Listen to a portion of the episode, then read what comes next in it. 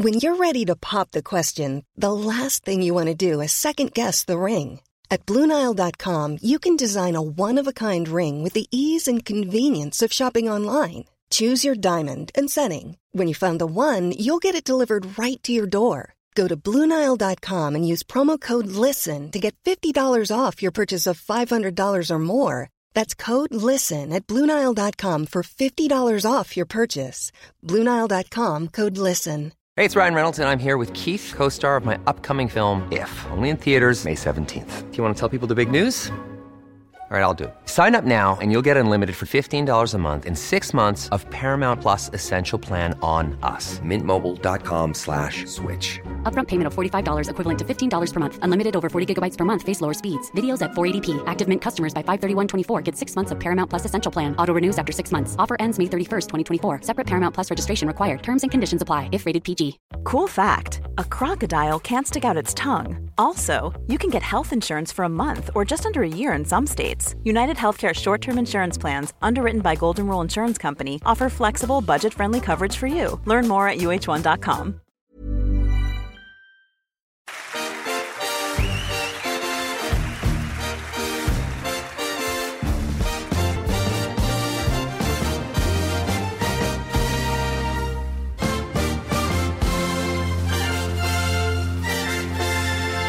lyssnar på Fotboll i fotboll och eh, vi är tillbaka med ett ytterligare gästavsnitt.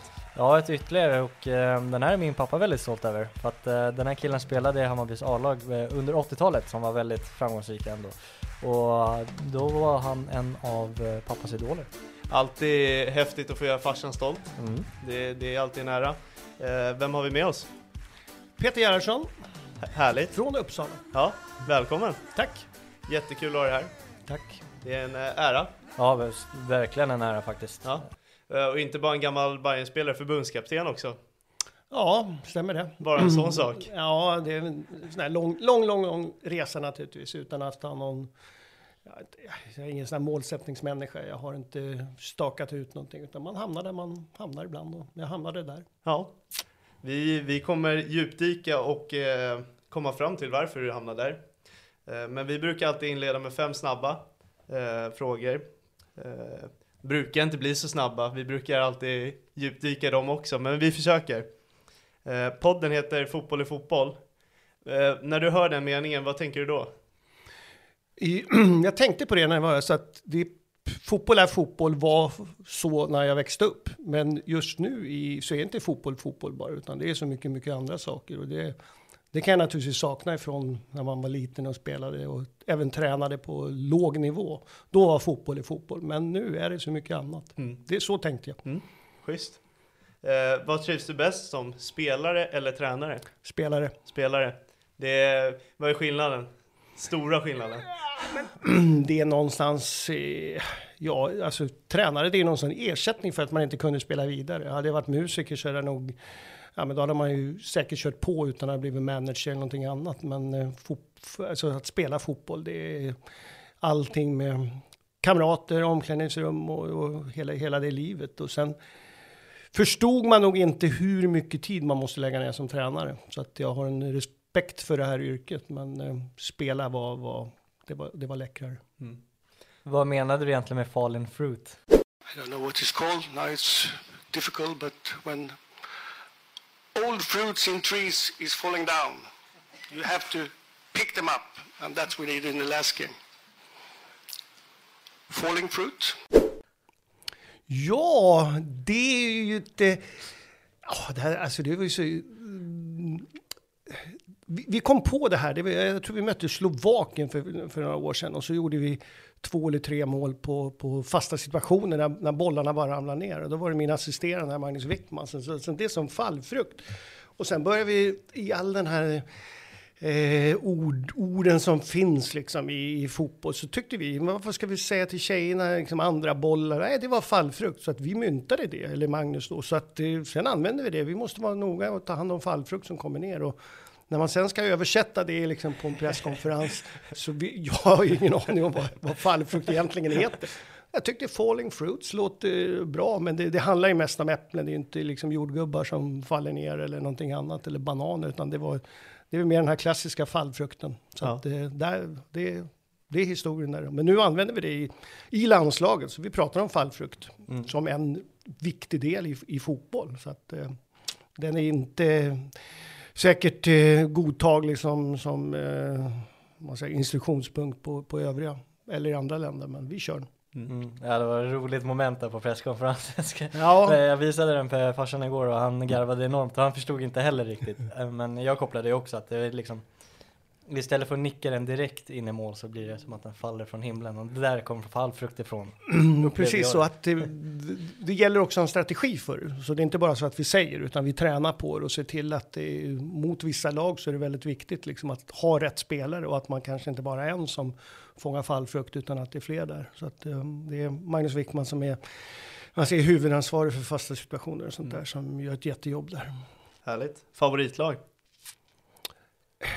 Ja, alltså jag har ju så många, men det första liksom Uppsala IF är liksom min moderklubb, så det är ju allting. Sen är det ju Arsenal som jag tidigt började hålla på på 70-talet där med Charlie George och, och det. att, eh, eh, Jag tyckte de såg ut som eh, rockartister, långhåriga och skäggiga. Det var liksom sådär, så att eh, eftersom jag gillade popmusik på den tiden, sådär här 70-tal allting, så såg de ut som ett liksom, lite ja, övervintrat rockband. Så att, och det var väl där också jag började hålla på Hammarby när jag växte upp i Uppsala. Och, och eh, min pappa var ordförande i Uppsala IF i många år. Och då, då fick man liksom inte hålla på Sirius utan då, då var det någonting annat. Och då, då tyckte jag Hammarbyarna med Matte Werner och alla där, de, de såg ut, också ut som rockstjärnor. Så att, eh, då, då var det Hammarby där.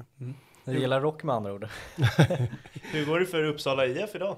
Eh, de gick upp här förra året från femman till fyran. Härligt. Så jag var faktiskt och tittade på en match när de mötte Sönnersta i lite så här, det är väl derbyn och allting i den där serien. Så att, men jag var och tittade och, eh, en halvlek. Eh, så att ja, det är alltid roligt liksom med en, en klubb som har betytt väldigt mycket för mig. Du nämnde mycket musik. Finns det något annat över fotboll du eh, gillar intresse då, tänker jag?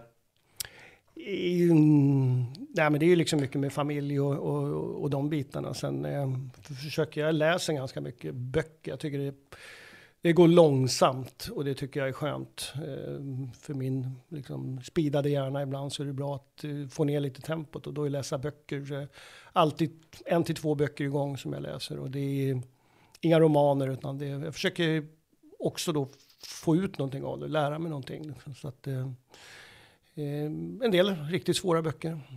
Den jag håller på med nu, så en engelsk bok med en tysk sociolog, Hartmut Rosa, som eh, jag har läst ett par böcker av honom förut och de var enklare. Nu, jag kom till sidan 99 så började jag liksom, då började jag fatta någonting. Eh, och då har jag tagit med mig 98 sidor. Och då, och läst, jag läser inte om, utan jag bara jag kör och sen hoppas jag att det ska. Så att, Eh, sidan 99, det är nog rekord, att det är då jag börjar fatta. Nu hoppas jag att jag ska kunna hänga med resten av sidorna, upp till 200. Starkt ändå att fortsätta trots att man känner att vad, vad, vad tar den här boken med någonstans? Ja, men precis, men jag är, jag är envis så inne i helsike där när det gäller sådana här saker. Så att då, då jag, jag, hoppar, jag har ju varit med förut också att det är lite, lite trögt, eller att jag är trög måste jag säga. Men till slut så börjar man få ut. Ibland är det så att får man ut en liten del, man kanske inte är 100% nya saker, men eh, det är de här mindre procenten som kanske är intressanta.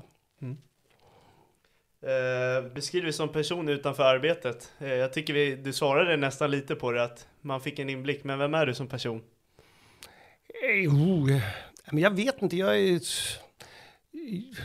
Överhuvudtaget, Mm. oavsett om det är så gillar jag, ha, jag gillar att ha roligt. Jag omger mig med människor som har lite humor och, och den delen. Och, eh, sen är jag, eh, vad ska man säga, jag, jag gillar att bestämma. Jag gillar liksom att få liksom, eh, och fotboll är ju liksom den delen som jag har, har valt att bestämma. Så att jag eh, hade väldigt svårt när jag växte upp med auktoritära lärare eller tränare eller någonting sånt där när jag inte blev motiverad av det. Så att, eh, eh och där har väl format mitt ledarskap också, men jag lyssnar väldigt mycket, men jag, jag vill bestämma och jag tycker att det är ganska skönt. Mm. Och på jobbet, vem är du då?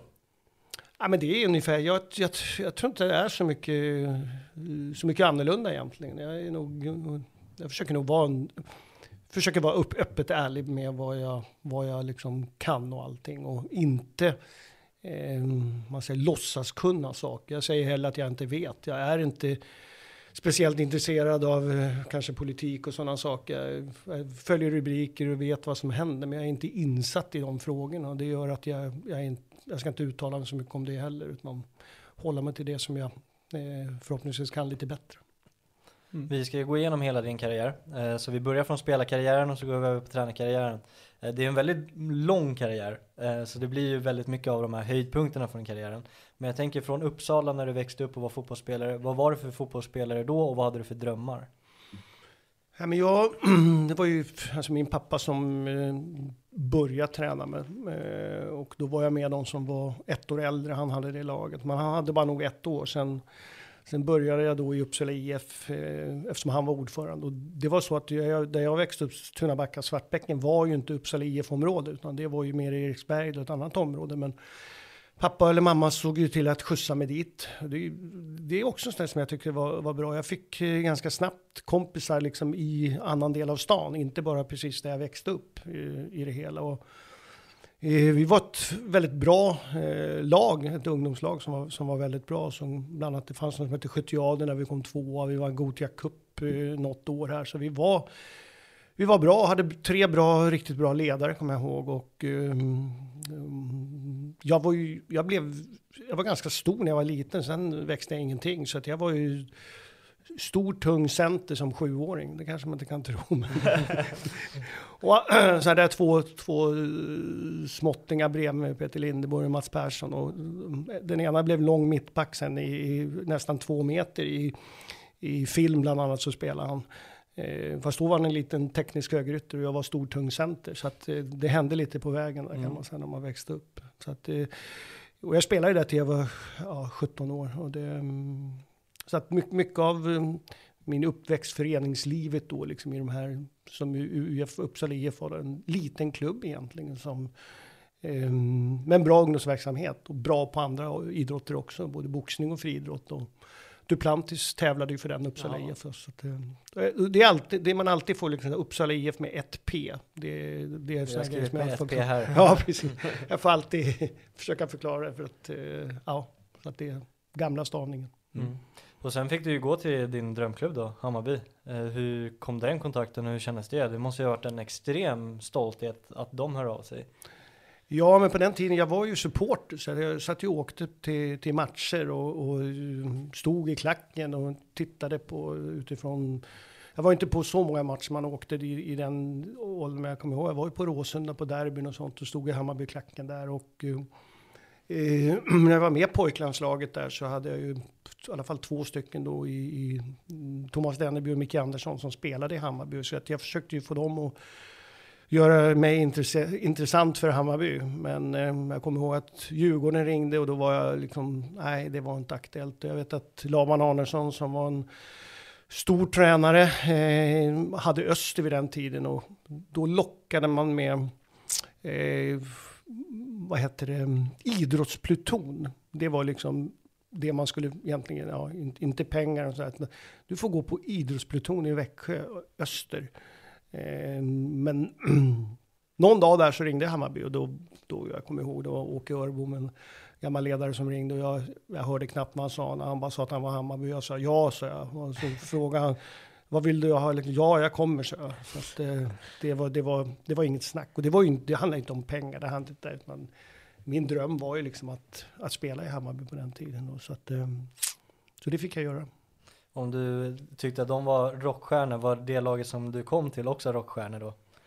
De ja. blev det då? ja, de blev när du kom. ja, men det var ju, det var ju, det var en ganska tuff så här, mentalitet tycker jag, liksom när man kom dit liksom. Och, Eh, kom ihåg att det var någon spelare som frågade mig där, liksom kom fråga, fråga var jag kom ifrån. Och jag sa att jag är från Uppsala, det är ju sju mil. Och han sa, jävla norrlänning sa han bara.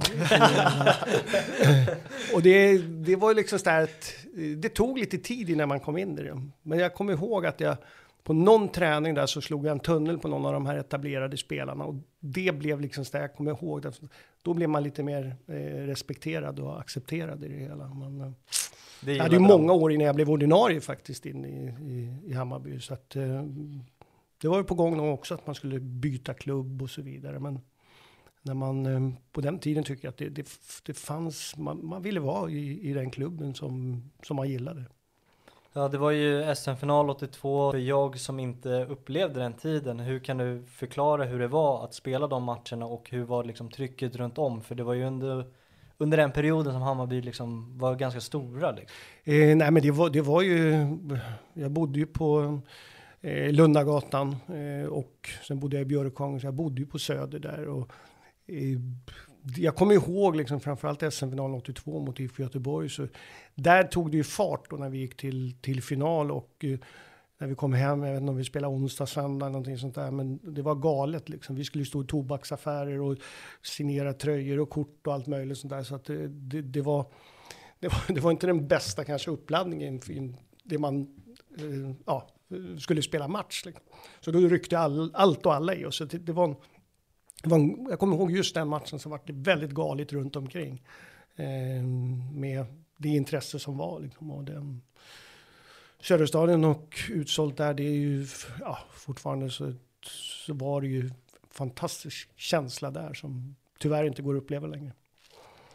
Eh, och efter de här matcherna så fick du ju beskedet att du eh, blev fotbollsinvalid. Ja, det var väl 85 där som eh, de sa det, alltså att eh, jag fick en knäskada där och eh, eh, men träffade någon annan läkare som egentligen sa liksom att eh, ja, kör det här. Jag det, det, var dåligt kanske då med styrketräning och sådana saker. Så att, jag körde på där. Sen har jag haft ett knä som, som var dåligt, men efter det, jag spelade ju jätte, alltså väldigt många år från 86. Eh, och egentligen den här läkaren som talade om att eh, det går att göra det. Där det funnits, fanns någon kille i Åtvidaberg som hade samma skada som hade kommit tillbaka. Så att det var ju broskskada som jag hade i knä och det var på den tiden väldigt allvarligt. Det är ju naturligtvis fortfarande. Men ehm, jag kom tillbaka och eh, klarade liksom att spela ända till Sista året var väl 92 eh, där i Enköping och då, då var ju 91 gick hälsenan av. Så att det, det var en tuff, det var nog tuffare tid att ta sig tillbaka 92 än det var 86 med skada. Var det i samband med Köln-matchen som skadan gick till? Eller alltså inte under matchen, men det var liksom i samma veva som matchen spelades och gick runt med en knäskada? Nej, det här, nej, alltså det här var, det var på våren, alltså 85. Eh, jag kommer både jag och målvakten Anders Forsberg åkte också på en allvarlig skada. Så att, eh, eh vi hängde, hängde ihop där och kunde ibland, det var bra att vi kunde åka på Åbofestivalen ihop och sådär som man inte hade kunnat gjort förut. Men eh, så att det var då det hände. Sen spelade jag bara tre matcher det året. Eh, en sån där klassisk Kalmar hemma borta hade vi precis innan serien vände. Um, och sen kom jag inte tillbaka någon mer den. Så jag spelade bara tre matcher 85 då. Eh, och det var inte riktigt bra. Men då när jag bestämde så var det mycket bättre rehab och styrketräning och allting sånt där. Så att Kölnmatcherna var inte med överhuvudtaget. Och jag kommer ihåg att jag var oerhört besviken att eh, när vi förlorade eh, borta så hade vi gått vidare där så hade jag kunnat vara tillgänglig. Så att jag var nog kanske en av de som var mest besviken. Eh, många var det, men jag, jag hade tränat för att verkligen kunna komma tillbaka till, till men eh, vi vann ju hemma med 2-1. Var det 2-1 eller 2-0? Mm, 2-1 och sen torsk 3-1 tror jag. Ja, Peppe Holmberg gjorde två, två mål med orange boll, eh, kommer jag ihåg, för det snöade. Så att det var okay. på Råsunda, det var snö, snö, så vi spelade med orange boll då, kommer jag ihåg. Sen förlorade vi borta. Och då, eh, då satt jag på läktaren där och hoppades eh, verkligen. Och jag satt med någon styrelsegubbe där, jag kommer ihåg att det var kallt in i... Fick någon konjak där för att värma, men som satt med styrelsen och drack konjak och kollade på matchen, men det hjälpte inte. Eh, besvikelsen som var efteråt. Mm. Och sen hur gick eh, tankegångarna och känslorna när du fick lämna Hammarby? Ja, nej men det var lite, det var en, vad ska man säga, det, för det första så var det kanske ett, eh, inte liksom rätt historia. Jag kommer ihåg att Lasse Sandin som var, var Hammarbyare skrev någonstans att jag gick för pengarna till Vasalund och sådär. Men det var ju absolut inte så. Utan jag blev såld bakom, bakom ryggen, vilket var fruktansvärt. Alltså, för jag hade, jag hade bestämt då att eh, jag skulle spela kvar i Hammarby tre år. Jag hade gjort klart muntligt med Åke Örbom om att eh, spela de här tre åren. Eh, Vasalund ringde och jag sa nej, jag ska vara kvar i Hammarby. Sen vad jag förstår så hade Vasalund ringt till Hammarby och erbjudit eh, eh, ganska mycket pengar för att få loss mig. Utan att jag visste, utan att jag bestämde. Så då sa Hammarby att vi tänker inte förlänga med dig. Då hade jag inget val. För jag hade, eh, ja, var ju bosatt i Stockholm med familj och allting. Så att jag ville ju vara kvar där. Eh, så att då accepterade jag Vasalunds bud. Men i, muntligen så var allting klart för att spela tre år till i, i Hammarby. Men det blev inte så. Sen kan man efteråt säga att det, det kanske var bra att jag spelade. Jag hade tre bra år i Vasalund. Och, eh, allting i det här livet, möten med människor, så jag träffade många. Eh, en av de absolut bästa tränarna jag haft fick jag i Bosse Pettersson där i, i, i Vasalund. Så att egentligen vart det ganska bra ändå. Och eh, jag kommer ihåg att eh, just året efter, eller 89 när jag gick till Vasalund, så åkte Hammarby ur.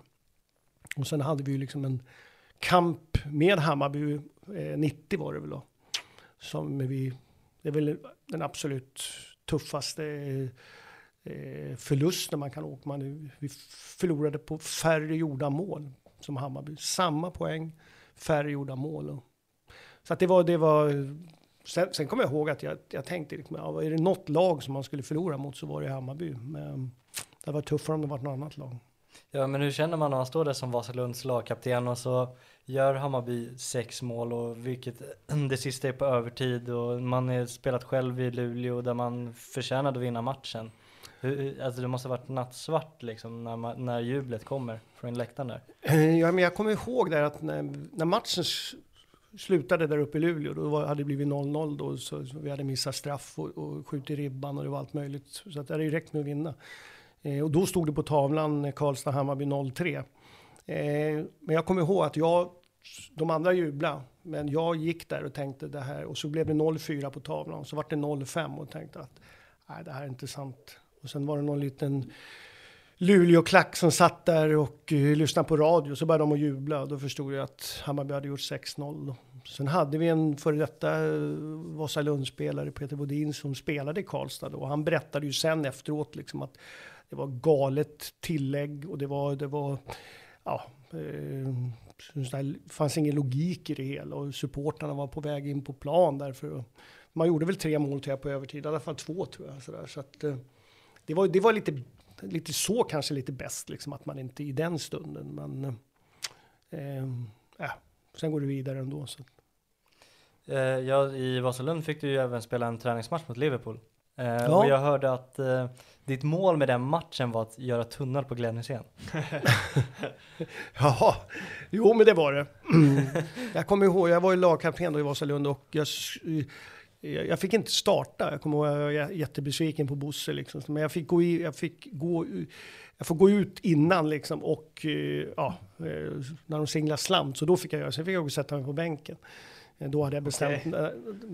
när jag kom in liksom i andra halvlek, då hade jag bestämt att jag ska slå en tunn. Jag har ju spelat ihop med Glenn i i vad heter det, pojklandslaget i många år. Så jag kände honom jättebra och naturligtvis följt han i Liverpool när han var där. Så att det var liksom en målsättning och jag lyckades med det och jag jublade då. att, eh, eh, ja. Satte han någon fet glidtackling då också eller? Nej, äh, jag vet inte. Det Uh, och efter det här så går det ju till Enköping. Uh, jag noterade, eftersom att jag, uh, jag är född 00 så jag har inte så bra koll på Enköping. Men när jag gick igenom några spelare så har det spelat Jesper Blomqvist, Erik Hamrén har varit där, Raja Lax har varit där, Herminator, Peter Gerhardsson har varit där också. Det, var, det, är en väldigt häftig, alltså det är väldigt många häftiga spelare i den klubben. Ja, nej men det, det var ju ett, man säger Enköping var ju man säger stora konkurrenter till, till Sirius då i Uppsala. Så att det var ju mycket den konkurrenssituationen. Och när jag fick erbjudande att gå till Enköping så eh, då spelade ju Uffe Eriksson och Matte Wahlberg spelade där då. Eh, och det var ju gamla Hammarbykomp. Uffe Eriksson är ju från Uppsala också, eh, en av mina absolut bästa vänner. Så att eh, jag tyckte det var, det var det, man, vill inte, man vill inte sluta spela. Sen blev det ju så då, då på grund av hälsenan som gick av i Enköping. Men Eh, det var bra, en, en, bra klubb med, med eh, jag kommer ihåg att jag fick eh, en av, som är en av mina vänner nu också, en tränare som heter Örjan Pettersson, kallas för Pugg. Och det var liksom Pugg, varför? Ja, han var musikintresserad och han, första gången jag träffade honom så kom han i en sliten Rolling Stones t-shirt. Jag tänkte wow, en tränare som lite rockmyt sådär. Så att vi umgås nu och går på konserter och allting sånt där. Och det, Sen sa han någonting som var, tycker jag, jag har tagit med mig, det var att eh, han sa att du är etablerad, du har spelat eh, väldigt mycket på hög nivå. Jag vill höra vad du tycker, du får säga till här. Sen är det bara att du ska veta att det är jag som bestämmer i det hela. Och det var, ju, det var inte så vanligt kanske att tränare bjöd in spelare på det sättet. Så att, och jag kommer ihåg att jag tog det till mig för att jag pratade väldigt mycket med honom, eh, fotboll och vad jag tyckte och det blev inte alltid som jag tyckte. Eh, men det var fine för mig. Jag fick ändå liksom tala om och jag, jag blev liksom en, ja, på något sätt kände mig betydelsefull i mina åsikter. Sen hade jag en acceptans för att det inte alltid blev som jag ville. Var det, var det i samband med det du fick lite ögat upp för att bli tränare eller? Ja, jag hade det, alltså, redan i Vasalund då, innan jag lämnade så hade jag Mm, hade jag möjligheten att vara kvar i Vasalund som assisterande tränare där till Kjell Friman som skulle vara där. Men jag ville ju spela vidare så därför gick jag till Enköping. Men då hade jag ganska klart för mig att jag, att jag, vill, jag ville träna ett lag. Men jag hade absolut ingen sån här eh, ambitioner på att nå långt eller någonting. Utan jag, hade, jag hade fyra olika jobb och familj och sådär. Så att jag, jag, levde, jag levde för stunden på så sätt. Eh, sen blev det som det blev. Och, när jag, mitt första lag som jag tränade var ju min moderklubb Uppsala IF och det kändes ganska naturligt att jag ville, jag ville tillbaka dit liksom till, till den klubben som hade betytt väldigt mycket för mig. Och, um, så att eh, det, jag visste inte riktigt var det tog vägen. Det har varit en riktigt krånglig väg kan jag säga, men eh, kanske bra. Vi ska snart ha en gäst som eh, kommer handla lite om tiden efter man har spelat fotboll, att man kan vara lite vilsen och så. Hur var det för dig direkt efter fotbollen? Kände du också vilsen och hade en tuff period direkt eller var det upplagt för att allt skulle bli bra? Nej, absolut inte. Det finns ju alltså karriärövergång och det har man ju stött på mm, alltså, i många fall, både nära och, och, och, och eh, som upplever det. Det är väldigt speciellt att, att spela fotboll och det där och det blir liksom någonting som rycks, rycks undan. Och jag vet att Johan Fallby har skrivit en hel bok om det här karriärövergång och Eh, så att det är liksom en mental, det, det, har man väl kanske när man byter jobb eller man flyttar i någonting. Men det är nog lite extremt med att man hamnar i ett utanförskap. Jag kommer ihåg att eh, min stora del, det var ju liksom när jag blev tränare för Uppsala IF. Så kommer jag ihåg att jag kunde höra hur grabbarna där inne skrattade hur roligt de hade. Men jag hade, jag hade bara min assisterande då i stort sett och någon i styrelsen. Men det var, man var med kanske bara två sjukgymnast. Och det var sånt litet gäng. Jag jag hade velat varit där inne i omklädningsrummet. Jag ville vara med spelarna. Jag, ville, jag var nog liksom en sån här väldigt delaktig i allting och eh, med skämt och allting. Och helt plötsligt så vart du en ledare i, i, eh, utanför. Så där hade jag lite, i början tyckte jag det var jobbigt att, att inte kunna vara eh, jag kommer ihåg jag försökte väl någon match eh, som spelande tränare, men det blev jättekonstigt. Alltså, dels så tyckte jag inte att jag var bra. Och det, det, blev, jag tror jag gjorde en match mot Iron borta som spelande tränare och det var, det var inte roligt. Det var, så att då valde jag liksom, nej men nu slutar jag spela helt. Mm. Nej men det, det är verkligen en intressant grej, det ska vi djupdyka i och jag ser fram emot det också. Eh, för jag tror de flesta tänker att fotbollsspelare, de har det så gott ställt så de kan göra vad de vill efter karriären, men det, det måste vara en utmanande tid. Ja, det är det ju. Sen kan man säga det här med man säger, ekonomiskt sett så, så, för oss som spelade då så var man ju tvungen att ha jobb. Du var ju tvungen liksom att eh, jobba eh, med fotboll. Vi tränade i Hammarby 17 på kvällarna och man pysslade ihop det där med, många var ju polis eller brandmän för att då kunde du jobba helger, du kunde byta pass och så vidare. Så att, där blev det någonting när jag kom in i, i med damlandslaget här och så var deras, spelarnas värld var lite som den var för mig då. Eh, det vill säga att man måste jobba, de, många tränar på, på kvällstid och sådär. Men för mig var det så att det fungerar det är ju bara att man, man ställde in sig. Jag har aldrig känt sådär att vad synd att man inte spelar nu för då hade man haft mer pengar. Det har inte varit, jag skulle aldrig byta bort den tiden som jag spelade där. Utan man, man är ganska flexibel och det, det gällde att få ihop eh, vardagen med allting och det, det, det grejer vi. Ja, jättefint att höra att du inte skulle byta. Det är många som säger, tänk om, ja, precis som du sa, tänk om man hade sin karriär idag, vilken stor skillnad det hade varit. Men jag kan tänka mig att du har fått uppleva saker som dagens fotbollsspelare inte får göra. Eh, för fotbollen har väl en viss utveckling. Eh, vissa tycker den är vacker, andra inte. Så det är bra synvinkel. Ja, ja, absolut. och det är, det är liksom, man kan säga en, en av de, man brukar prata om, eller man får frågor om matcher och liksom sådana här saker. Men det vi bildade i, i vad heter det, Hammarby 1986, det är för mig det, det mest unika. Att vi, vi var 12 stycken och är fortfarande 12 stycken som, som träffas två gånger om året. Och det bildade vi 86 då. De vännerna och de diskussionerna och de träffarna är ju ett bevis på det här med kamratskap och hur roligt det är. Och när man träffas på de här träffarna så är man har man mustasch och är 24 år igen eller 23 eller vad man är. Det är liksom, fast det spelar ingen roll vad folk har gjort så är du liksom tillbaka där det var. Det säger kanske någonting om det här, både laget och, och, och det här gänget. Så att, eh, eh och det, de här mjuka värdena är, tycker jag, liksom den mest fantastiska med fotbollen. Och det kanske inte är lika lätt på, på, på, nu, för att nu byter man ju klubb mycket mer. Men då var man kvar och man, eh, man ville vara där man var och skapade ett liv efter det. Så att, eh, det, för mig har det varit bra i alla fall. Ja, det, är, det var ju väldigt fint faktiskt. Vilka är spelarna där? Eh, med det här gänget? Ja. ja. men det är ju, jag vet inte man kan räkna upp alla, men Putte Ramberg, Uffe Eriksson, Peppe Holmberg, eh, Billy Olsson. Ja, det är ett, mm, ja, ett gäng. Mm. Är Kenta med där också? Nej, det är inte. Han, han hade, jag tror att han hade slutat innan okay, där. Så. Man, han, var, han var med i våras som gäst, så vi tar, ibland tar vi in någon gäst då, av de här spelarna som, som inte är med. Utan, Ja, det är så tajt grupp ändå så att han ses som en gäst liksom. ja, nej, men det var ganska så att när vi, det var väl jag, jag och Peppe och Uffe tror jag som, som liksom, så var det så att det var, byggde inte på att man var bäst fotbollsspelare utan det byggde liksom på att man spelade där och då. Och vi märkte väl då, det var väl Micke Andersson som var på väg bort, att eh, vi kanske tappar det här gänget. Så att, då köpte vi en sån här stor obligationer för 10 000 som kostade då och investerade i det. Och, eh, och sen har vi hållit i stort sett förutom pandemi då, så har vi träffats två gånger om året här. Och hemliga resor gör vi. Så att det är, på hösten åker vi alltid någonstans och då vet ingen vad vi ska. Så när jag och Sulovatto var ett år så hade vi sagt till de andra tio att eh, det var en helg, alltid en sista helg i november så sa vi till att kom till terminal 5, packa med er badgrejer och allt möjligt så att alla kom dit. Eh, men sen gick vi till terminal 4 och flög till Kiruna. och, och, och åkte skoter. För att det, var, det var väl inte så populärt då kanske. Det är någon i den här kartellen som säger det är den sämsta resan någonsin. Men ja. jag, jag tycker det var den bästa. Ja, ja. Solkräm och allting. Ja, och det där låter ju svinkul.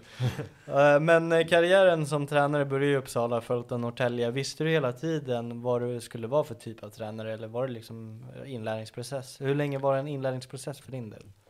Nej men man vet ju, alltså jag visste inte. Eh, jag hade, jag menar, tre år i Uppsala IF där, slutade med att vi åkte ur liksom. Så att det, det var, det var, det var inte speciellt. Man, man, man letar liksom lite efter sig själv. Man är väldigt flexibel i hur man skulle spela fotboll och så vidare. Och, eh, man är ju väldigt delaktig i spelare som skulle in också. Då. Sen året efter så tränade jag Norrtälje ett år. Och, Ehm, där var det, mm, satt och pendlade dit och gjorde sånt där som jag efteråt kanske ett misstag. Eh, för jag tog dit två av mina spelare från Uppsala IF, som i och för sig bra spelare, schyssta killar och sånt där. Men det blev lite konstigt när man ska sitta och åka bil fram och tillbaka med dem och eh, kanske inte var så här för Norrtälje eh, spelarna där att jag hade med mig två spelare där. Så, att, så det vart inget, det vart inget bra år i, i Norrtälje. Och den kan man säga att i, hela den vägen så, så, var det lite så jag kom in på damsidan. För att eh, jag jobbade samtidigt på Svenska fotbollsförbundet och hade kurser och sådana saker. Och i, I det så ehm, eh, stötte jag på och jobbade som instruktör ihop med Bengt Simonsson som då var förbundskapten för damlandslaget. Han frågade om jag ville hänga med till Atlanta eh, 96 i OS, eh, damlandslaget. Och jag hade aldrig sett en dammatch i hela mitt liv då. Eh, men tyckte då att eh, äh, det, det var, var klart intressant. Så att efter det året så då var då jag var i Berlinge i två år och tränade deras lag i, i allsvenskan där. Och, Ja, precis. Då gick du ju över till eh, damfotbollen. Eh, då gick du ändå till högsta serien. Eh, kände du, hur stor press känner man då? Nej, men det var ju framförallt så var det mycket seriösare spelare än vad jag hade liksom i division 3 och 2 herrar. Alltså det här var ju allsvenska spelare och eh, de eh, var enormt eh, seriösa i, i, i allting eh, överhuvudtaget och eh, vi tampades två år där i toppen med bland annat Älvsjö och eh, lyckades inte nå hem. Vi spelade väl i SM-semifinal tror jag, eller SM-final kanske, jag kommer inte ihåg. Eh, så att eh, ja, det var, det var två, två riktigt bra år. Sen valde jag då på grund av lite sjukdom i familj att i, ta ett sabbatsår efter det. Vilket jag tror också var bra att få lite distans till det hela innan man skulle starta upp liksom eh, andra, andra delar. Ja, för sen blev det ju Enköping, eller hur? Ja, precis. Eh, men då gick du dit som assisterande. Eh, hur skilde det sig att gå från huvudtränare till assisterande? Kände du att du hade samma typ av ansvar eller var det annorlunda? Ja, det var annorlunda. Och eh, framförallt väldigt, väldigt lärorikt. Eh, sen beror det alltid på vem man jobbar ihop med. Men jag jobbade ju eh, en del då med, med Bosse Pettersson som jag då hade haft som tränare. Och det, jag tyckte ju han var, var väldigt skicklig och intressant. Nu fick jag liksom reda på mer när jag var assisterande. Så fick jag liksom hela upplägget och mycket prat och det var, det var, var viktigt. Och sen när Peter Lenell tog över året efter så, så då fick jag en liten annan roll i det hela. Så då var jag väl lite mera man säger framträdande eller jag tog lite mer ansvar än vad jag gjorde här. Och det, mm, så att assisterande, det, det tycker jag, eh, där har man möjlighet liksom att eh, på något sätt, oavsett vem du jobbar med, att bidra väldigt mycket. Men du kan också, eh, du, du, du har inte det där fulla ansvaret, vilket gör att eh, du kan Ehm, utvecklas. Du kan titta liksom på, på andra delar. Det är inte samma mentala eh, liksom, ansvar som du har som huvudtränare. Så att jag hade min, min bästa utbildning överhuvudtaget var nog fyra år i, i, i Helsingborg när jag hade jobbade med fyra olika tränare, huvudtränare och tre olika sportchefer. Där kan man säga att det var och jag var kvar och bara tittade på och formade lite av både mitt ledarskap och fotbollsfilosofi. Liksom att, eh, inte bara som saker som var bra, utan också så, så här ska jag inte göra när jag någon gång kanske får ett eget lag. Mm. Kände du att eh, det var här du började vara på uppgång på riktigt? För du går ju, Enköping spelade ju i Superettan. Sen blir det landslag, sen blir du förbundskapten för U17 och U21, eller hur?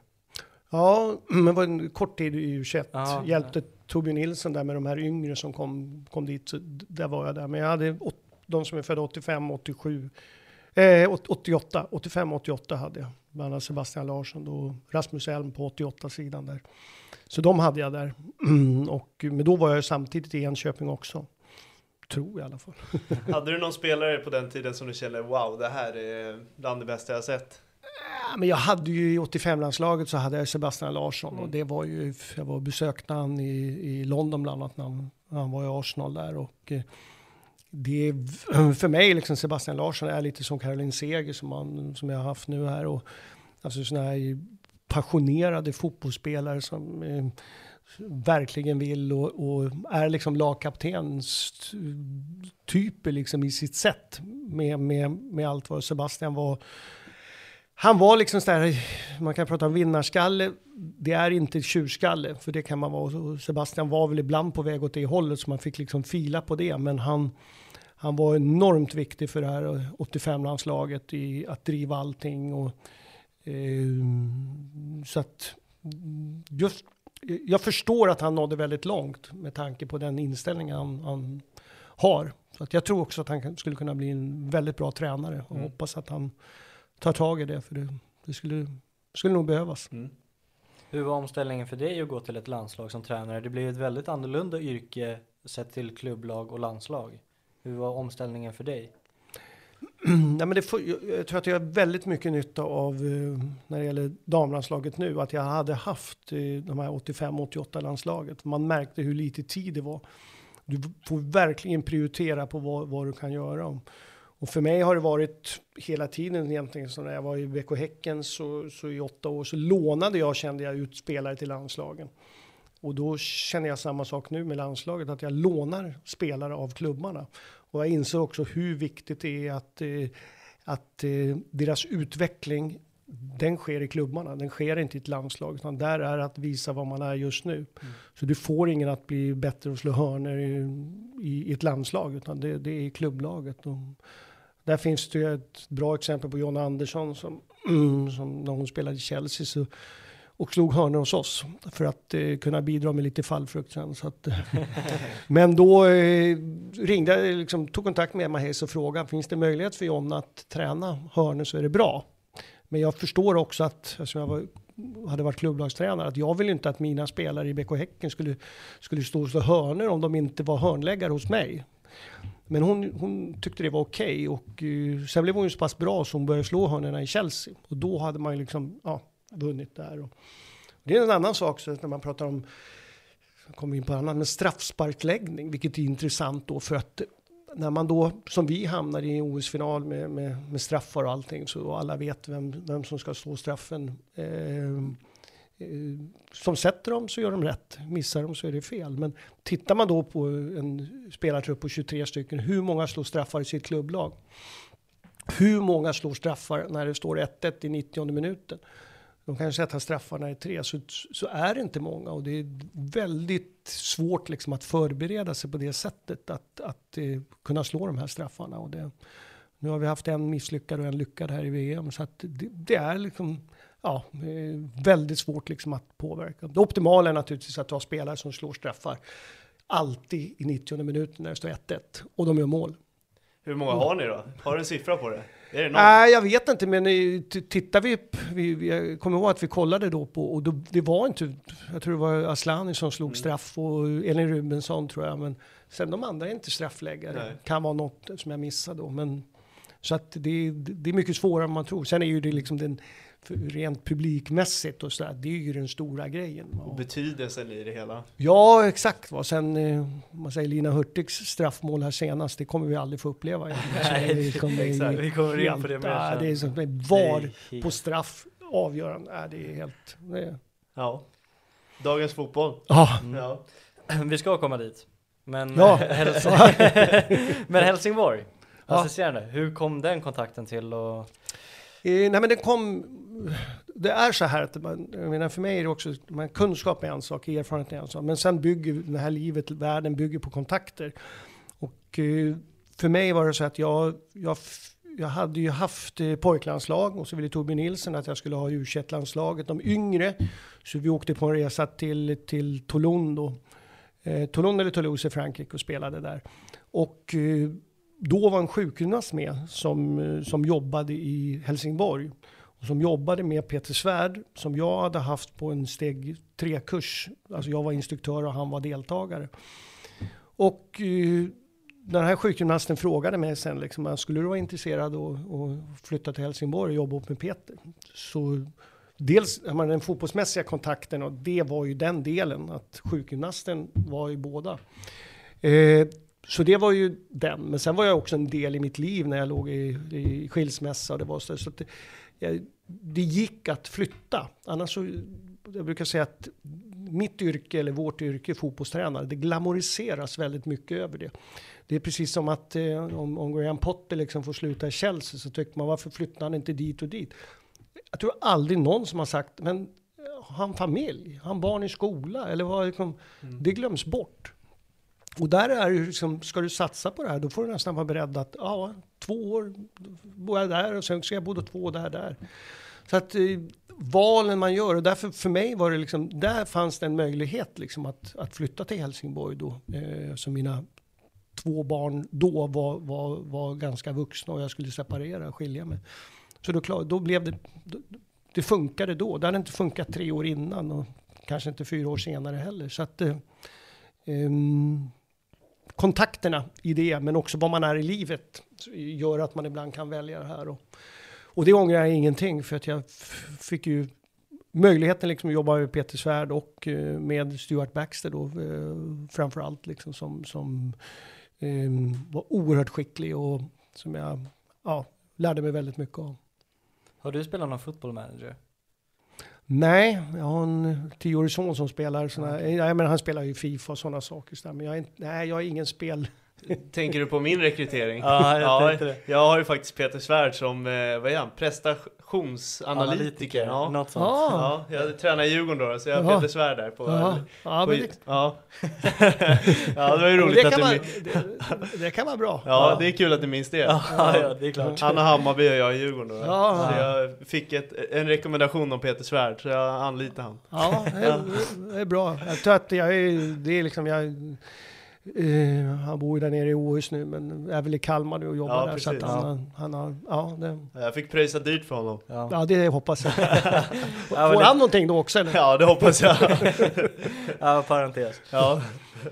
Henrik Larsson vände ju hem i den här vändan. Hur var det att få uppleva han? Eh, Det det måste ju ändå vara lite häftigt att vara tränare åt Henrik Larsson.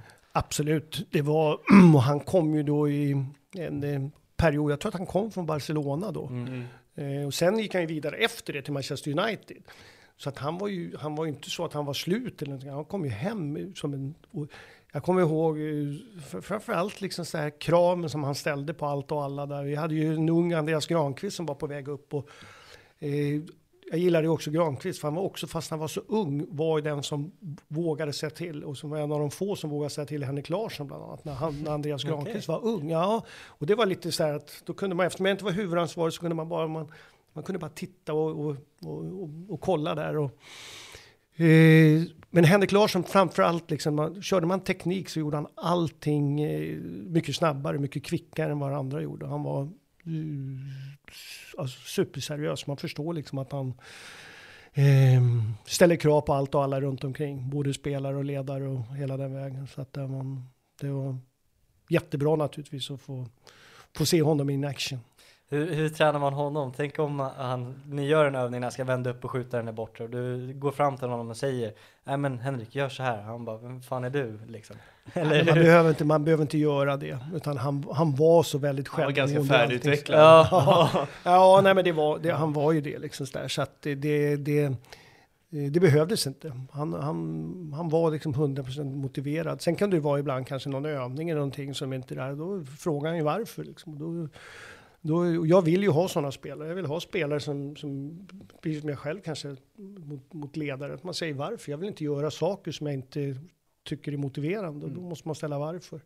Han du har Maj Malung- Malungo där. Eh, ja, han, är, Han var väl också en kvalitetsspelare på den tiden? Han kom, han kom, ja, jag tror att han kom det året, ett av de här sista åren. 2008 tror jag han var där. Ja, ja, precis. Så det var min sista Ja. år, stämmer det? Ehm, där var det väl lite kaotiskt, kommer jag ihåg. För att det var, jag tror att det var Maj som var med då, för att eh, hade, det var på sommaren, vi hade en träning, skulle ha träningsläger i Helsingör och eh, vi satt och planerade och Bosse Nilsson tror jag var, var huvudtränare då. Och, eh, Hasse Eklund och jag var där, Sven Andersson. Och, och så skulle vi åka på träningsläger och vi hade planerat och Bosse kom aldrig, han dök inte upp. Var är han någonstans? Och sen åkte, tog, tog vi båten över då till Helsingör och fortfarande ingen Bosse.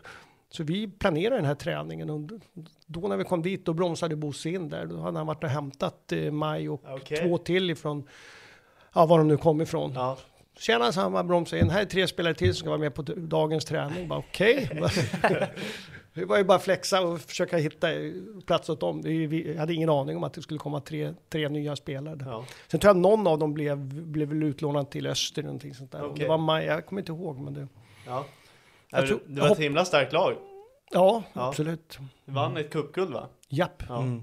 Slår ut Heerenveen i eh, Euroleague-kvalet, eh, slår ut Galatasaray, eh, Panathinaikos, Austria Wien, Bordeaux och går vidare från den gruppen. Mm. Jag vet inte ens var jag ska börja, hur lyckas man?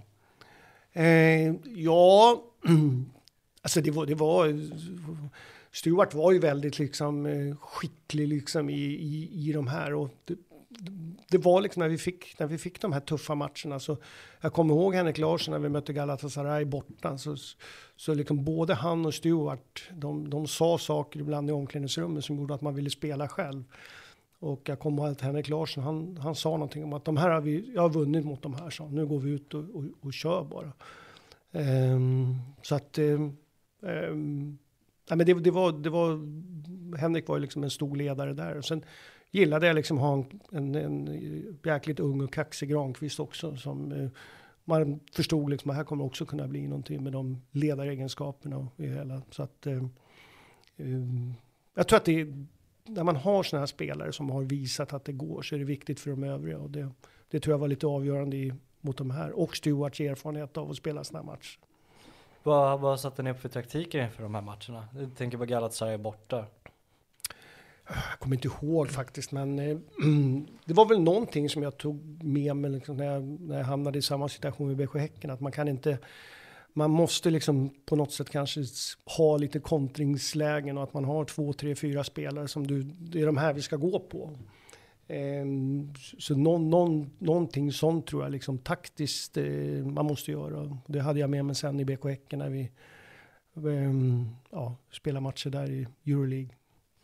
Eh, sen åkte ni ut mot PSV. Visst. Mm.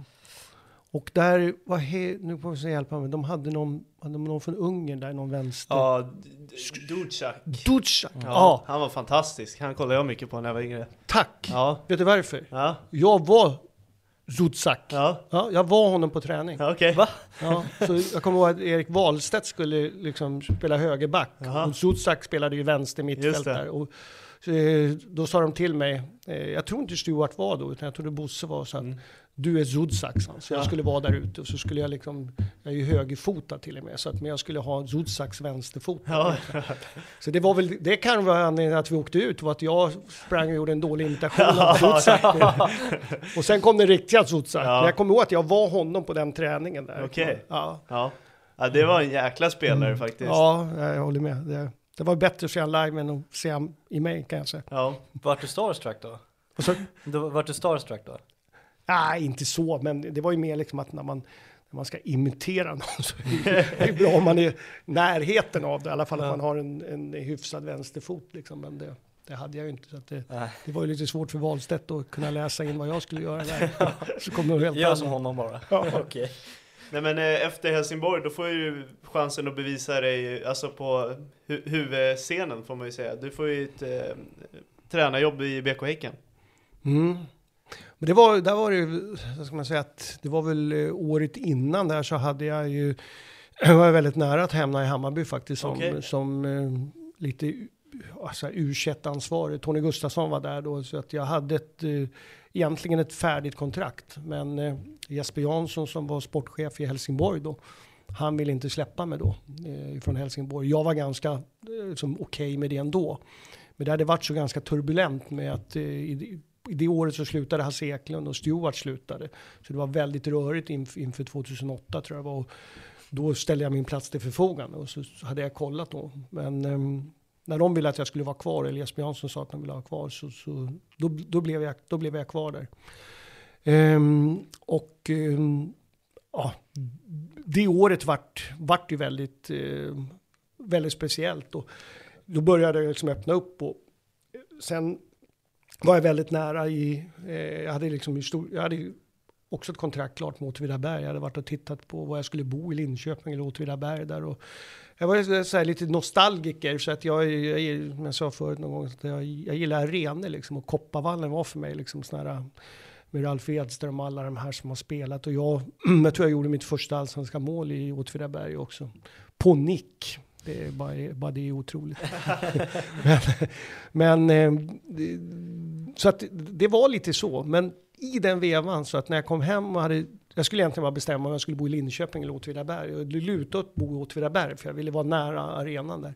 Då eh, ringde Sonny Karlsson i, i och Häcken och frågade och eh, då var det så pass mycket intressant. De hade precis, de hade gått upp i allsvenskan då. Sonny hade varit tränare och skulle sluta och bli sportchef. Och honom hade jag lärt känna i, jag hade pojklandslaget så, så var han med som eh, tipselittränare som det heter då. Så att Just det är också en sån här relationsgrej som gjorde att jag hade alltid Sonny med på man säger när det var slutspel, för jag tyckte han var så bra så att jag ville ha Sonny med. Han var bra med grabbarna, bra liksom att få allting att fungera och ordnade turneringar i beachvolley och allt möjligt sånt där. Så att han var, det var en bra ledare att ha med sig.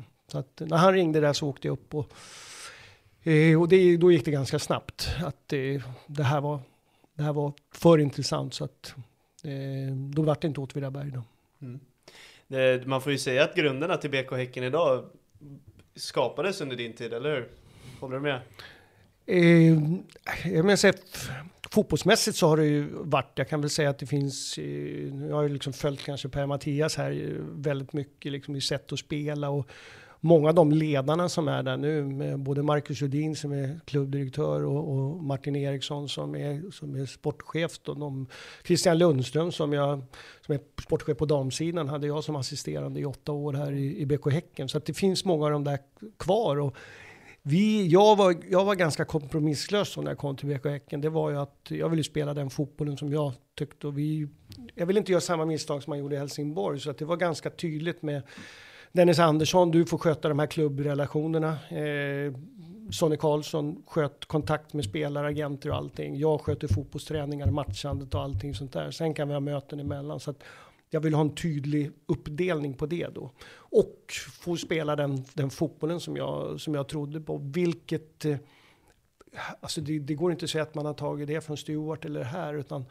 Eh, eller från Bosse eller någonting. Utan det var en... Jag gillade liksom som forward i Hammarby att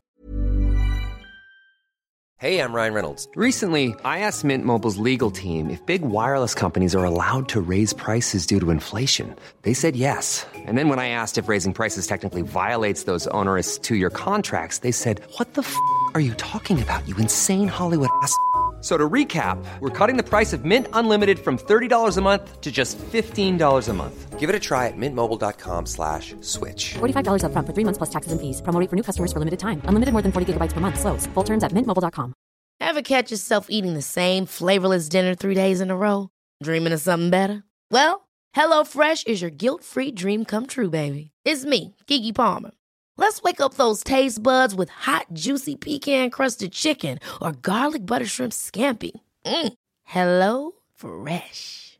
Stop dreaming of all the delicious possibilities and dig in at HelloFresh.com. Let's get this dinner party started.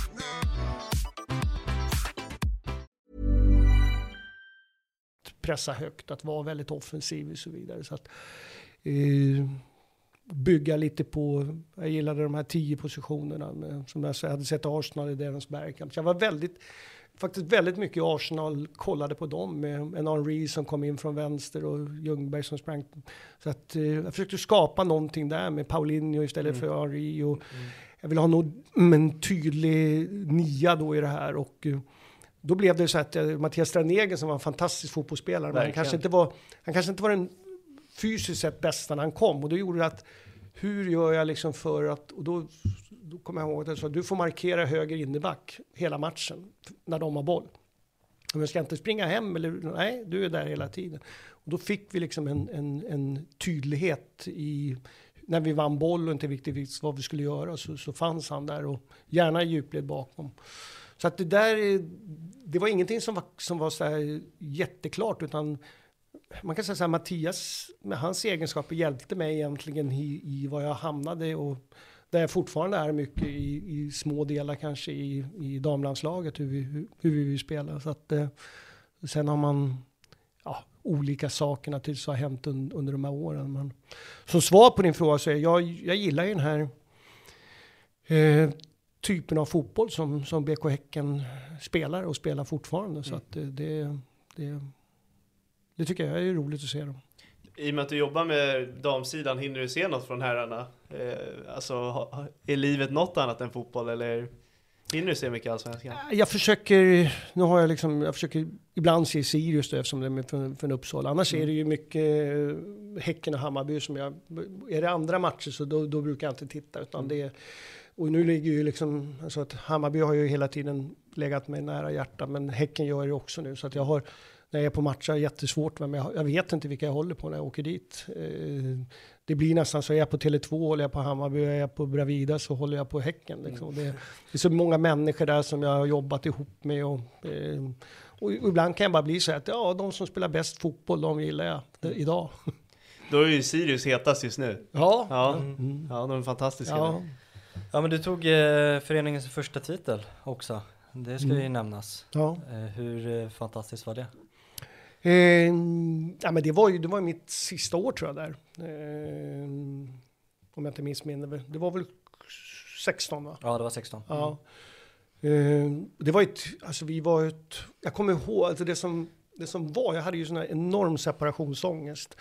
Eh, för jag kommer ihåg att på hösten 15 så diskuterade jag med och min fru och vi diskuterade liksom eh, om vad vi egentligen eller vad vi skulle göra. Eh, och jag kände liksom att nu nästa år blir åttonde året här och det, jag vill göra någonting annat. Och eh, vi har, har en son då som är född 13 så att det var så att utgångsläget var att vi kan bo och jobba precis var som helst när han är så liten innan han börjar skolan. Så det var ytterligare en ibland en sån här, jag tänkte först kanske socialt på, på vad vi skulle göra och, och eh, då blev det eh, jättesvår situation för att i januari eller februari så, så kom först Sonny Karlsson och sen, sen kom Dennis Andersson och pratade med mig om att de ville förlänga. Och jag var redan klar att jag inte ville göra det. Men jag, jag alltså, klass, jag kunde inte göra slut. Jag, alltså, jag var helt, det gick inte. Jag kunde inte få ur med det. Och så jag kom hem till min fru och jag kunde inte säga, men varför, varför sa du ingenting? Nej, jag kan inte så här. Och så gick det där. Sen fick vi en väldigt dålig start i, i, i, i allsvenskan. Och eh, bland annat så, så förlorade en match hemma, kommer jag ihåg, mot AIK. När en före detta Häckenspelare, Carlos Strandberg, tror jag avgjorde sent där. Och efter det så var det ett möte med Sonny. Och då kom, sa Sonny, men jag, vi har bestämt oss nu, vi, vi kommer inte att förlänga med dig. Och jag, jag tror, jag vet inte om vi hade vunnit kuppen då eller, eh, jag tror att vi hade gjort det. Eh, inte om det var på våren. Ja, det var på våren. Det var på våren. Ja, i maj är ju Svenska cupen-finalen. Ja. Så det borde ja. varit eh, innan. Ja, det kan ha varit innan där. Ja, mm. ja. Men då när han sa det så bara, ja, ja, jag håller med, sig. Och sen var det, så när går vi ut med det? Ja, men vi kör om en vecka. Och det vart lite så här att eh, för mig eh, vart det viktigt naturligtvis, för det öppnade ju upp liksom, för familj och allting. Vad gör vi nu? Och så började man lyssna liksom och träffa klubbar, man fick dem med. Men fortfarande göra liksom ett, ett bra jobb i BK Häcken. För jag vill avsluta på, på, ett, på ett bra sätt naturligtvis med den här klubben. Och det visar väl också hur, hur, hur Häcken fungerade. Liksom. Det var inte att jag skulle bort då för att jag, utan vi körde på det. Det vart inget där jättebra år rent eh, fotbollsmässigt, förutom cupguldet då. Så att det, det var enormt häftigt. Eh, Simon Sandberg slog in en straff där och eh, jag hade ingen koll innan på att eh, det var den straffen som skulle avgöra. Jag tappade räkningen. Så att, okay. ja. Och jag frågade min assisterande Christian Lundström, om vi sätter den här nu, liksom, ja, men då vinner vi, va? Nej. Så att jag, jag var helt, stod och försökte räkna det. Ändå, matte är ändå mitt bästa ämne, men i, i den situationen så var jag, kunde jag inte plussa ett, ett och två. Jag tror att det är hans första mål i karriären också. Ja. Jag tror det. Eller jag är rätt säker på att det är hans första mål i karriären.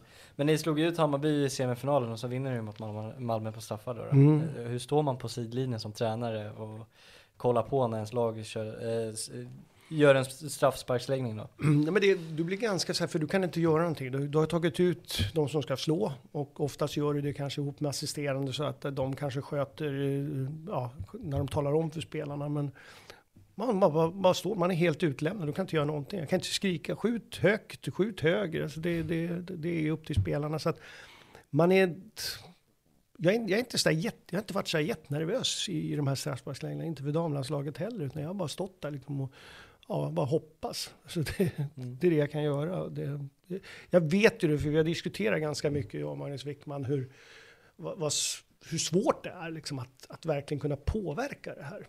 Med vem man tar ut och allting sånt där. Men en, ett är ju att de verkligen vill slå straffen. Du kan inte tvinga någon att, att göra det. Så att eh, där måste du liksom ha ett ja. Men det är ju spelare man har frågat och de säger nej. Och då kan du tycka att de har bra teknik eller att de har, men vill de inte så då, då går det inte att tvinga dem i det hela. Men, eh, men Simon Sandberg tror jag inte var vi låg ju under den matchen med 2-0 tror jag ihåg. Och en gammal Häckenspelare, Oskar Lewicki, tror jag blev utvisad. Och då tror jag vi vände upp till 2-2 där. Och sen kom straffarna där. Så att det var... Men Malmö var, de var riktigt bra då. Vi hade varit där innan och förlorat också. Mm. Nu vänder vi. Jag har en rätt intressant eh, straffhistoria liknande det här med att tappa bort eh, räkning. Eh, det var kvartsfinal i Gothia Cup mot just Häcken. Eh, och jag skulle slå den avgörande straffen och var så jäkla nervös. Jag gick ju med bollen i handen gråtandes. Lägger upp bollen, sen börjar folk ropa och så här. Hallå, det är redan klart. Eh, Då hade ju alla tappat räkning då också. Jaha. Men då var det redan klart, så jag slapp att slå den här straffen. Och så, så nöjd man var då. Det, Du var glad att du inte fick slå Ja, straff, alltså. eh, du jag var ju helt... Jag tror jag, faktiskt jag hade missat den om jag skulle slå den där. Ja. Ja, Ja, du påstår ju än idag att du är ganska dålig på straffar. ja straffar jag har inte sett någon straff från dig. dock. Nej, jag är hellre frispark än straffar Mm. alltså. Ja, ja. Ja.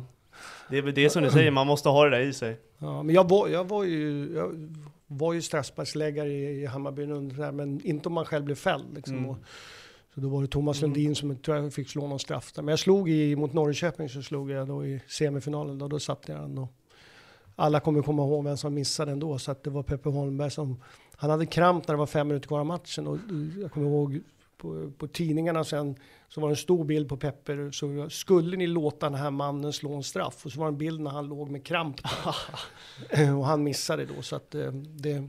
Var det han som fick åka till Kiruna med badbyxor sen eller? precis. Ja, nej men jag, jag har också en straffsparksgrej där, just när man blir fälld själv. Ja. Man ska inte ta det där för seriöst heller. Jag kommer ihåg, det var en gång jag fixade en straff. Och då var jag ju också såhär, nej men jag ger bort den här. Och sen ropar tränaren på att den här killen ska ta den. Jag vill inte säga namnet men. Och så minns jag bara, nej han kan inte ta den. Jag var såhär, fan jag ska ta den själv. För jag har aldrig haft problem, alltså jag har aldrig liksom så här, brytt mig om straff. Jag vill inte ta dem men jag har inte haft något problem med det så. Utan så här, ge den till någon annan. Men när han väl börjar trippa upp, det, det, det står 4-3 i sista minuten också. Mm. Vi kan göra 4-4. Och han bränner. Är det Då- Korpens krönare här eller? Nej det är inte Korpen, Ah, okej. det här är är så, nej nej. Men, men då var det också så här. eh, Fotboll betyder ju så mycket i den åldern Mm. också och då, då kommer jag ihåg att jag började också gråta bara, varför tar inte jag den här Mm. själv? Jag vet att han är osäker och så förlorar vi liksom. Nej, det är det var tungt. grymt sätt att avgöra fotbollsmatcher på naturligtvis, men ibland måste det göras på det sättet. Absolut. Eh, Ja, nu är vi framme till damlandslaget. Det tog sin tid, men nu är vi här. Mm. Eh, Den övergången, eh, det här är inte min värdering, men hur, hur tänker man kring att gå från herrfotboll till damfotboll? Har, har det någonsin varit någon fundering eller var det ganska glasklart när erbjudandet kom? Eh, nej, det var ingenting som var klart, utan jag, jag lyssnade på, på klubbar. Men jag kan säga så här att jag, jag hade... Dels så kommer in den här sociala delen liksom i vad jag och eh, med familj, då, liksom fru och barn i det här lilla, eh, som är född 13, och var vi skulle bo någonstans och leva liksom. Och eh, vad hon skulle jobba med och, och, och allting sånt där. Det är en, det är en viktig del när man, när man har familj. Och, eh, och, och kan jag säga känslomässigt, så jag, jag pratade med några allsvenska klubbar. Men det hade varit konkurrenter till, jag tyckte det var tillräckligt ett tag i alla fall när jag var i BK Häcken och möta, möta Hammarby. Nu, sen hade jag lärde mig det på de här åtta åren. Men eh, jag hade svårt liksom, att se mig stå liksom, in, in, in någon annan liksom, tröja. Liksom, eller något sådär. Så att, jag, jag kollade på Norge, jag kollade på Danmark och då var det de diskussionerna om man skulle ta något där och besökte någon klubb där också. Men eh, när det här dök upp då så var det egentligen första, första frågan med, med Håkan Sjöstrand var att eh, då var det både damlandslaget och U21 sökte också. Men där var jag ganska klar med att jag vill inte hamna i liksom U21 beroende på att då hamnar jag under någon som kanske liksom jobbar på ett annat sätt. Utan jag ville, jag ville, jag ville fortsätta med den fotbollen och äga liksom alla beslut i, i, i hur vi ska spela och så vidare. Ehm, och det kunde jag göra i damlandslaget. Och jag tror att det var viktigt för mig att ha erfarenheten från landslag. Så jag kände mig inte, jag visste att det var lite tid, jag visste liksom den delen. Det var viktigt eh, att jag hade tränat Bärling i två år, så att det var ju liksom inga konstigheter med, med, med att träna tjejer. Eller att jag var med i OS Atlanta 96 var också viktigt. Så att därför var det inte, det var inte så konstigt liksom att jag skulle byta där. Så att det är många olika faktorer. Och sen blev den sociala delen var att ja, man skulle bo nära Stockholm. Och då vart, jag är ju från Uppsala, så att då vart det, ja men då, då skulle vi kunna titta, bo någonstans i närheten. Uppsala eller Knivsta eller någonting, ha närheten till kontoret i Son och så vidare. Så det var många olika faktorer i, i det hela. Men jag tyckte liksom att damlandslaget, för jag hade inte följt dem förutom när det var liksom, eh, ja, eh, OS när man gick långt, jag tittade inte på gruppspelsmatcher eller någonting, så jag såg inga damallsvenska matcher. Så att det, det gjorde att jag tyckte det finns, fanns en potential där, intressant liksom i det hela. Och det, det blev någonstans som alltså jag såg BK Häcken också, ett, ett, man kan kalla det projekt liksom. liksom att, vad kan jag göra med det här och hur, Fördelen också var med damlandslaget var att jag kunde ta in lite eh, personer som jag hade jobbat med förut. En som jag inte hade jobbat med, förutom på fotbollsgymnasiet, var Magnus Wickman. Som hade varit i Linköpings damer och vunnit dubbla guld 2009. Och så sen jobbat med landslag på pojksidan. Så, där, så att, mm, han var väl en av de första som jag frågade och tog dit. Och fystränare från eh, BK Häcken, Pontus Eklund, var också en sån som jag hade jobbat med i åtta år. Som jag gärna ville dit. Jag fick inte dit honom direkt, men jag fick honom sen. Då. Eh, en som heter Rasmus Liljeblad eh, som var fotbollspsykologisk rådgivare som jag jobbar med i BK Häcken kunde jag också få in här. Så jag, jag, jag, insåg att det är bra att få in de här människorna snabbt för vi kommer ha lite tid och då är det bra om vi har satt lite relationer i, i ledargänget där. Så att det, eh, det gick ganska snabbt när jag väl bestämde mig så gick jag all in på att äh, men det, det här ska det här blir mitt nästa uppdrag. Tog du eh, hjälp från tiden i U17 här eh, landslaget av att peta spelare? Eh, ja, mer, vad ska man säga att eh, mer kanske liksom den här tiden, alltså att du har inte så mycket tid. Och det måste man se till liksom att man är verkligen liksom noga med. Vad, man, man, kan inte, man kan inte lägga för tid på för mycket. Det, det är, vad är de stora sakerna? Som jag sa förut så klubbarna som utvecklar spelarna. Så att det gäller att hitta. Sen var jag liksom, ville jag liksom på något sätt fortsätta med, med det, det, de idéerna jag hade i BK Häcken. Liksom. Och det innebär i vissa positioner. Så ett av de första var liksom att när jag var i BK Häcken så var ju mig, den här nummer 10 positionen var väldigt viktig. Och jag hade ju liksom eh, sån som Martin Eriksson och eh, Simon och Samuel Gustafsson som jag hade i de här så, tio positionerna. Och därför såg jag i A-landslaget damer så såg jag Kosova Asllani var liksom den, det, där har jag henne, en, en sån spelartyp liksom med kreativ, skicklig i, i den delen. Så att jag började leta där i det hela. Sen fick jag också var viktigt och det är ytterligare när man, det är diskussioner nu om herrlandslag och allting sådär. Men jag har enorm respekt för, för det här jobbet. Eh, och respekt för skillnaden mellan klubblag och landslag. Nu fick jag liksom en halvtidsanställning från januari 2017, vilket innebär att jag kunde åka och titta. Jag kunde sätta mig in i allting innan jag tog över då eh, på hösten 2017. Och jag var, såg EM bland annat där i Nederländerna. Och det var oerhört viktigt för mig liksom att, att kunna liksom scouta av både spelare och allting. Ändå var det så att den första truppen som vi tog ut mot eh, när vi skulle möta Kroatien borta. Att få se de här Stina Blackstenius och Nilla Fischer, de här i träning. Det måste man också. Det räcker inte liksom att se med andra lag, utan du måste se dem, du måste få jobba med spelarna i, i, i den miljön. För att kunna där börja coacha och, och försöka liksom, hur mycket kan jag förändra eller bygga på vad de gör i sitt klubblag. För de, sen går de tillbaka till klubblaget och så ska de in i, i, i, i klubbarnas sätt att spela fotboll och kanske ibland på andra positioner, roller och så vidare. Så en av våra absolut bästa 400 för hon spelar ju vänsterback i, i Barcelona, men eh, vi har ett behov av att nå högre upp i banan. Eh, vilket man kanske inte behöver i Barcelona, så man har så mycket, mycket den typen av spelare. Och där gäller det liksom att få henne att fungera högre upp då i, i det hela med, med de egenskaperna hon har. I ett annat lag än Barcelona kanske hon hade spelat eh, vänsterforward eller någonting. Så att det, Match till match coachning, hur fungerar det? Jag tänker till exempel eh, Jorgen i ett kval och eh, sen får man möta Australien i en bronsmatch.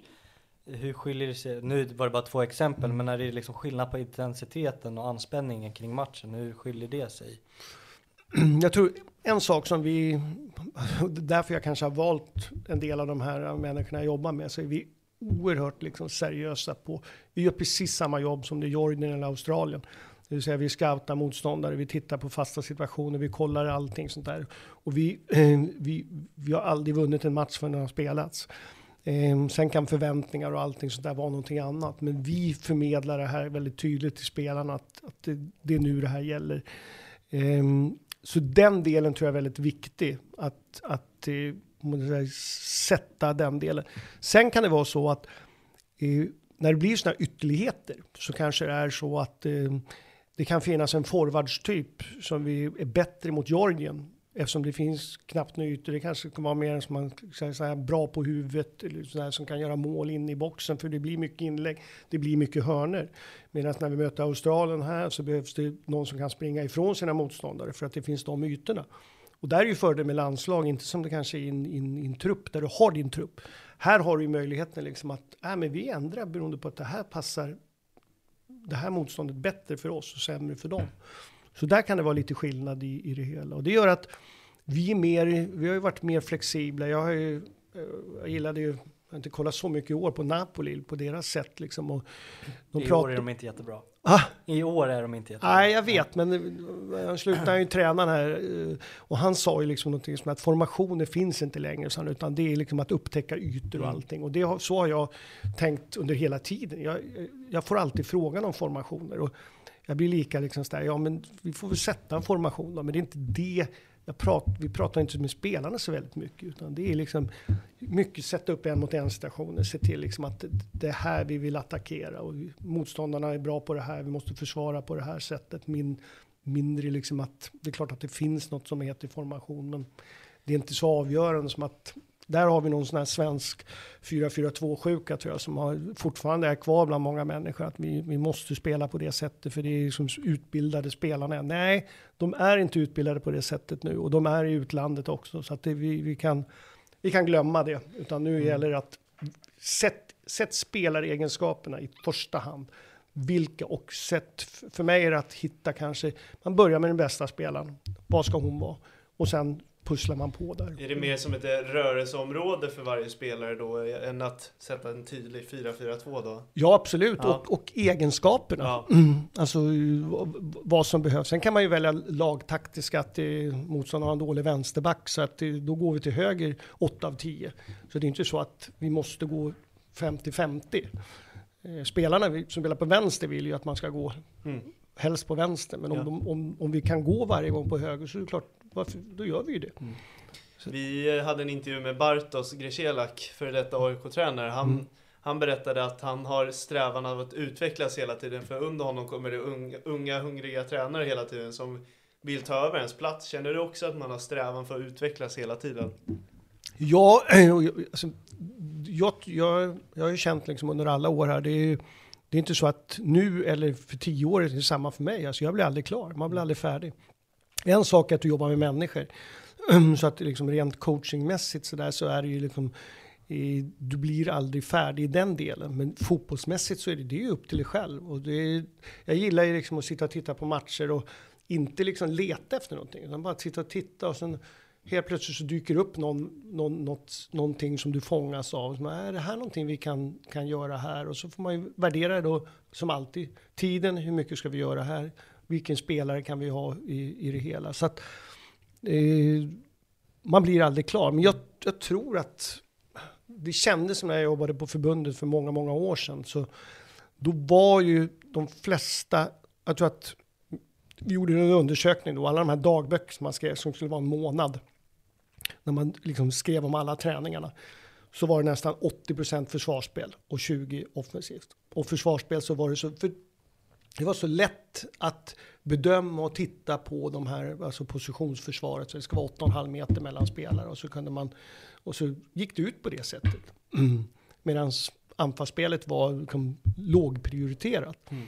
Och för mig var det så att jag som som har växt upp på den här tiden med, med Laban kontra Roy och Bob och allting. Så, så, både när jag var i Hammarby och, och liksom så, så stod jag på den andra sidan. Jag, jag gillade dansk fotboll. Jag såg liksom när Danmark vann EM-guld när de flög in med paraplydynka från det var det var och bara vann. Ja. Så att jag älskade ju dansk fotboll. Och de hade ju tagit någonting, inte från Roy och Bob. Sen måste jag säga att jag såg Crystal Palace här i våras. Alltså, Häftigt lag. Om, ja, men, men mm, snacka om att utvecklas. Alltså, det var ju Roy, så man, man kan inte säga att de gjorde fel, men det, vi blev lite för alltså fotbollen då, eller med Svennis och allting, de hade ju framgångar så det, är inte, det går inte att säga att det är fel. Men, men Eh, vi kanske skulle haft lite mer flexibilitet då. Mm. Det tycker jag att vi har nu i svensk fotboll, både mm. på herr och damsidan med tränare och allting. Man, man tänker inte lika mycket på det sättet. Så mm. att, eh, jag var ju, när jag tränade Berlinge damer så var jag liksom Sveriges eh, Bob Houghton. Alltså vi, vi var så 4-4-2, det var så positionsförsvar. för att de andra lagen spelade markering. Så mm. vi fick ju betalt då. Men då hade det börjat hänt andra saker på herrsidan. Så att, eh, ja, det... Mm. Härligt. Ja, intressant.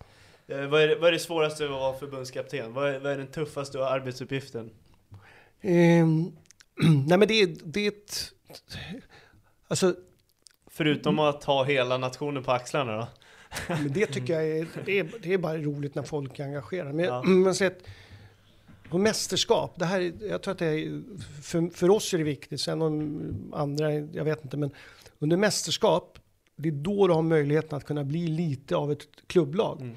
Då har du spelarna en längre tid. Om någon får en lårkaka så kan du liksom, ja hur lång tid det är. Du pratar med ditt medicinska team om det här. Vi har ju spelare som kommer från 17 olika klubbar. Om du, har, om du tar ut 23 så är det 17 klubbar. Det är inte fyra klubbar, det är 17 klubbar de kommer ifrån. Och det gör att de här korta 10 dagars samlingarna, de är svårare. Och det visar sig historiskt sett så att vi, vi har haft det jobbigt med att kvalificera oss för VM 19. Så var det så att då förlorade vi mot Ukraina borta eh, med 1-0. Så det var ingen lätt resa. Vi var ju tvungna att vinna mot Ukraina hemma och Danmark och det gjorde vi.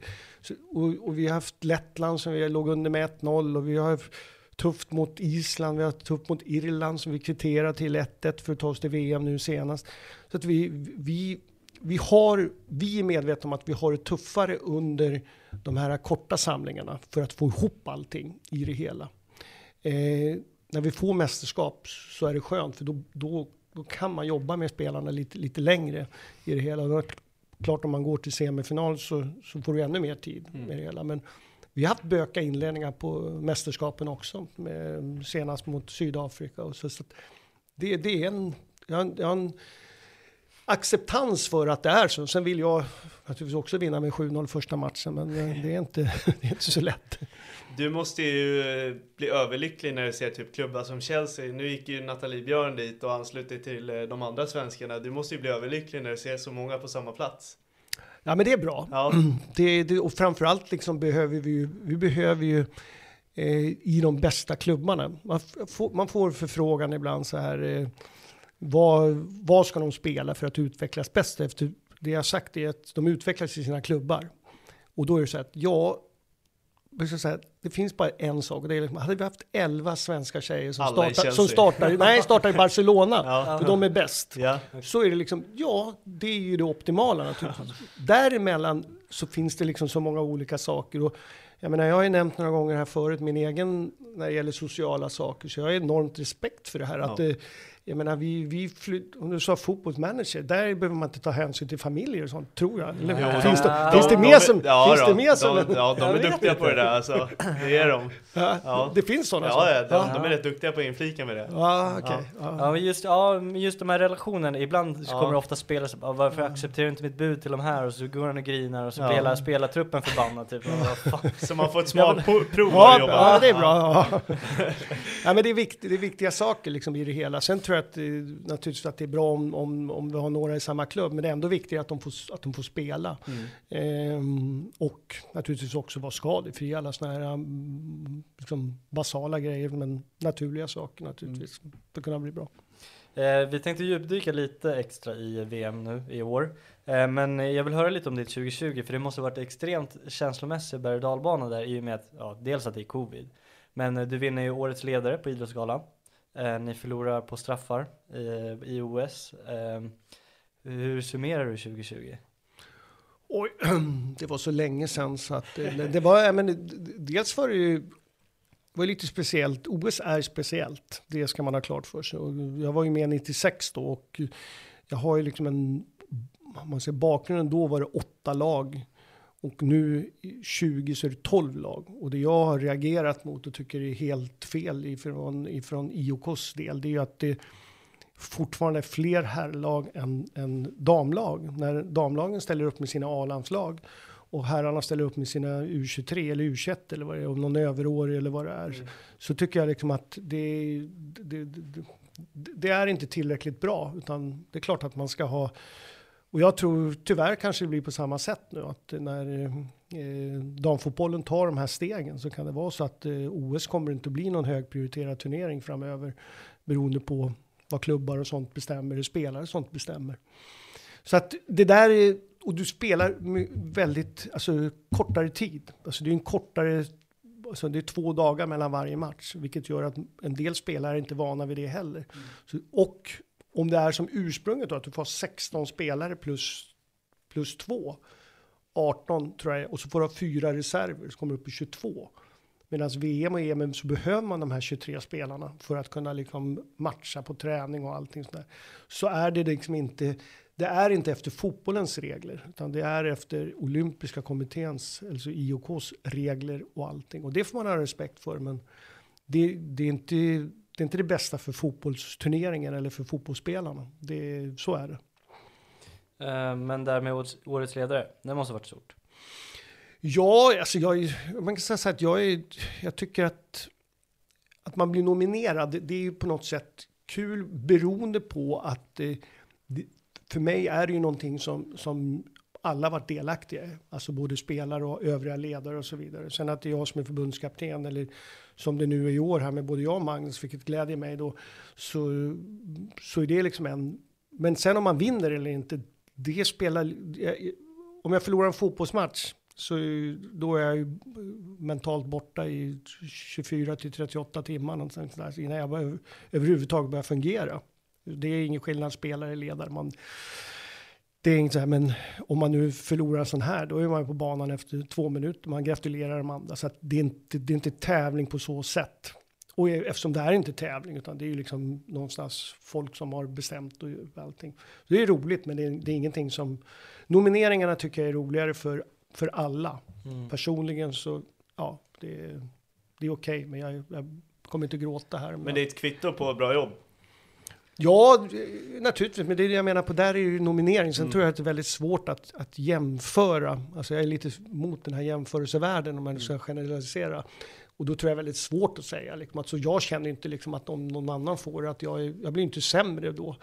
Nej, då precis. behöver jag inte deppa i 38 timmar. Utan då kan, ja, ja. Då kan, Nej, precis. Då kan, jag, vara, då kan jag nästan glädjas åt, åt den eller de som har, som har fått det då. För jag, jag, jag har ingen aning om hur de jobbar. Eller, jag tror inte de vet hur jag jobbar heller. Så, att det, så mer den delen. Men kvittot är allt och alla. Och det, det, det, det tycker jag är bra att, man, att vi blir nominerade. Och det där jag hoppas i år att vi kanske blir årets lag. För det skulle, det skulle glädja mig mer än att, att jag och Magnus blev årets ledare. Fint. Mm. Eh, grämer du fortfarande över straffläggningen där i OS? Nej, det gör jag inte. Jag har släppt den nu. det var så länge sedan. Nej, det, det, det, nej, men det, det, det är som jag sa, att man, man funderar på vad man kan påverka och vad man inte kan påverka. Så det är, det, det är små marginaler i det hela. Och den, den, det är inte så att, ja, det blir ju alltid rätt. Eh, när vi tog ut de straffskyttarna så var det väl eh, de som vi trodde var säkra som missade och de som var lite osäkra som satte det egentligen. Men mm. um, det är så att du vet aldrig det där. Det, Fotboll är fotboll. fotboll, är fotboll. Ja, precis. Ja. där är det. Ja, där är inga andra Jag har varit bra på att få in den där på ja, senaste ja. Den har börjat hoppa in, in alltså. Ja. Ja. uh, innan vi går in på lyssnarfrågor så uh, vill jag dyka, djupdyka lite i uh, VM som spelades i år. Uh, och jag tänker att höjdpunkten blir ju matchen mot USA. Uh, eh, dels för Musovic match, uh, kommer in från ingenstans. Det är väl hennes första mästerskap som hon egentligen får starta. Och gå in och göra den matchen för att sen gå till straffläggning där Lina Hurtig får slå den där avgörande straffen. Det måste ha varit en hel, alltså det är ju nästan mästerskapets höjdpunkt nästan. Mm. Ja men det, det, det, otroligt. Jag tror, jag tror att vi är på väg ut där ett par gånger. Liksom, där ja. de, de ska göra. Att, eh, ehm, det blir liksom en magisk vändning där eh, i det hela. Och just de här sekunderna när, när eh, alla står och väntar. Ingen vet ju vad som har hänt. Liksom. Så, sen blir det ju eufori liksom i det hela. Och det, det är väl någonting av det här med, med glädje som med, jag pratar om liksom att man tycker det är roligt att vara i ett omklädningsrum när man spelade själv och sån här glädjen. Så är det inte så att du är glad själv. Men eh, det är ju också kul att se andra glada. Alltså, hjärnan kan inte skilja på om du skrattar eller jag skrattar. Så blir liksom, tycker min hjärna är roligt om du skrattar. Och då blir, ju liksom, då blir jag glad. Mm. Fast jag kanske inte är det här. Så att, glädje att se andra glada, se det här. Det kan ju bli så att man tappar, man glömmer bort sig själv och så man, men hur glad är hon och han där? Och det, det, den, alltså jag tycker det är häftigt och det är ju en del av, av idrotten här att eh, det är ju så här upp och ner och det, det är klart att eh, det är väl därför som man är, jag kan, jag kan känna att när jag är ledig liksom, eller inte har jobbet så blir det liksom, jag får jaga de här eh, känslomässiga ups and downs. Man, man, behöver ha en down för att liksom uppskatta de här upsen också. Så att det är en, Men man vill inte ha någonting som inte är någonting av det. Om du fick välja. Det är därför, man, ut, det är därför man utsätter sig för. Det är därför man spelar bordtennis med sin familj och, och riskerar att förlora och bli förbannad. Men det tar ju inte så lång tid som 38 timmar. Men jag vill ju inte förlora. Det mm. Men man utsätter sig för det. Men när Musovic står för alla de här räddningarna, kände du någon tvekan så på sidan? Bara, fan har jag inte tagit ut, eller varför har inte hon startat tidigare? Nej, utan det, det, sådär, man, det är så, nå, någonting sådär ord som jag, som jag inte liksom är efterklok. Alltså det är, det är för mig, och jag har nog med åren blivit, man säger, bättre för mig, men kanske sämre för andra genom att fatta senare och senare beslut. Och det gör ju att då hinner jag tänka igenom och, och så här, ja men nu måste jag fatta beslut. Men det är klart att det kan påverka eh, andra att, eh, att man fattar sena beslut för att då får ju de gå och vänta kanske på någonting. Men eh, jag, vill inte, jag vill inte hamna i det att eh, ja, varför gjorde jag inte på det sättet och, och, så. Det gjorde man nog i början då med Uppsala IF Norrtälje där så hade man mycket mer sådana tvivel på det. Sen har jag nog insett att det, det, det är en det, det, är svårt ibland att veta exakt. Man gör de här valen, men det är inte säkert att det blir rätt för det. Ja, hur lång tid tog det för dig att inse eh, att Lina Hurtigs eh, boll var inne? Eh, domaren hinner väl göra nästan tre tecken till Lina innan hon förstår och alla börjar jubla. Ja, nej, jag förstår inte. Jag förstod inte förrän Lina vände och sprang. Ja, då, ja. då förstod jag och sen drog alla iväg. Alltså, och då, då fattade jag. Liksom. Så det var ju liksom, det var, och jag, jag tog till och med fråga, är det klart nu? Fast de sprang där, så att jag, jag var nog lite trög där. eh, men eh, nästa match var i Japan och det måste jag säga, det måste ha varit eran bästa halvlek den turneringen. Just första halvlek. Ja. Det... Håller du med det? Ja, det tror jag. Å andra sidan kan man säga så att det, Japan, enormt mycket tekniska, skickliga spelare, men de spelade väldigt mycket zon. Alltså zonförsvar. De spelade väldigt mycket, eller positionsförsvar, vilket gör att vi var duktiga på att hitta in mellan deras lagdelar och allting. Vi hade nog lite haft lite svårare om de hade markerat eller varit nära oss för att de är så pass kvicka här. Och vi mötte dem ju i OS också och eh, där pratade vi om när det gällde att försvara, att, att vara väldigt aggressiva, försöka vinna boll, men ha en acceptans för att mot Japan kanske vi får försvara 12, 13, 17 gånger innan vi vinner bollen. Eh, men de var inte lika bra på att, de var inte lika bra på att vinna tillbaka bollarna. Så att, och vi var bra på att spela oss ur. Vilket gjorde då att eh, det blev den matchbilden. Men, eh, så jag tycker den, och jag tycker Australien också matchen var, var det var styrka av oss att kunna liksom eh, resa oss. Jag tror att vi hade, vi hade li, lite nytta av eh, VM 19 när vi, när vi liksom vi tyckte liksom att den här matchen mot England var viktig. De uttalade efteråt att det inte var så viktigt. Um, och det är för mig oacceptabelt att man inte liksom gör allt vad man kan för att vinna brons. När man vet, och jag sa då efter bronset då och nu att jag fattar inte hur mycket gladare man skulle bli om man hade vunnit guld. Med den glädje man har i kroppen. Det, det går inte. Mm. Jag kan inte tänka mig det. Men man, inte för att man inte vill vinna, men själva glädjegrejen när man vinner sista matchen. Den är liksom eh, grym. Alltså. Mm. Vi kommer in på den matchen, men innan det så åker man ju ut sent mot Spanien. Eh, var det ridå då? Hur var känslan när de sätter bollen där?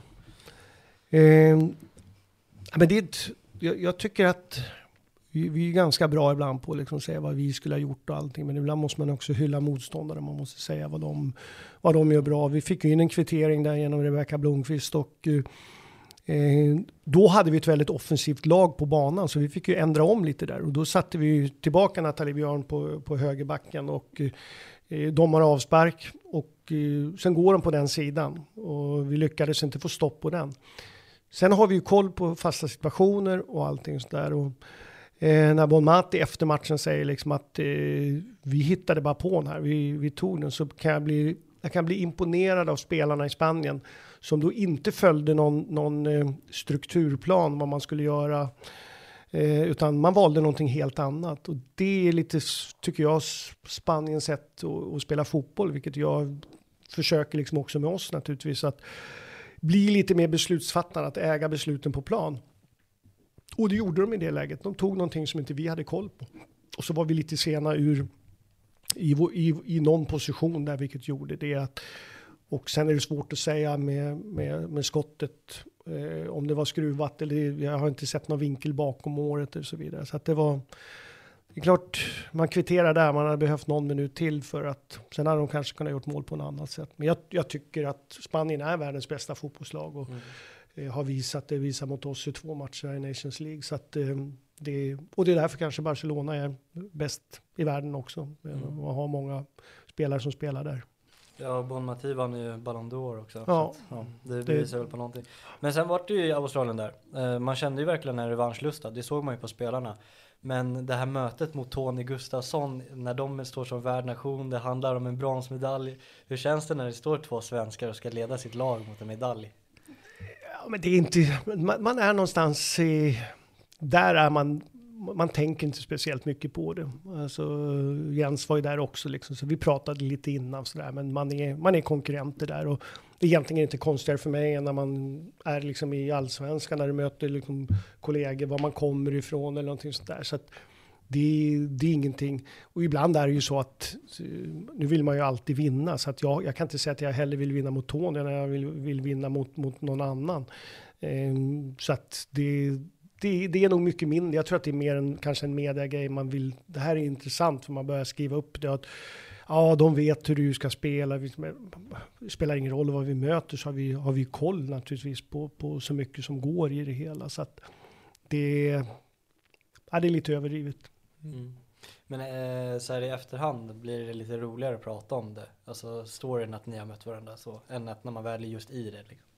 Ja, men efter, efteråt så är det ju som att det, det är ju som jag sa med familjen här. Man, det är ju liksom, man vill ju vinna mot, mot dem och där kan det vara liksom lite kanske skönare liksom att man om man känner dem eller har det här. Så, har det alltid varit tycker jag att man man hellre vill. Det är väl som i, när man spelade fotboll. Det var ju liksom att vinna ett derby var ju lite häftigare än att vinna kanske mot, mot något annat lag. Åtvidaberg borta kanske. Även om man gör mål. Mm jag skrev ner tre tankar som inte har med matcherna att göra. Eh, eller, eh, som inte är liksom matchrelaterade på det sättet. Det var firanden ni hade i omklädningsrummen efter varje match. Eh, Det var ju en väldigt rolig grej för oss som satt hemma och kollade. Eh, citatmaskinen Peter Gerhardsson och eh, Amanda Ilsets eh, panna. Hennes, Amanda Ilsets panna är ju med alla nickmål hon gjorde i det Ja. VMet. Så det var mina tankar. Jag tänker dina citat med fallfrukt och eh, bumblebees och du går in i städskrubben. Det har varit väldigt mycket sånt. Ehm, och Amanda Ilset med hennes, alla hennes nickar och sådär. Ehm, och firandet i omklädningsrummet. Är det någonting du jobbar med där? Med alla de här firandet i omklädningsrummet? För det måste jag bygga en väldigt lagmoral så att säga.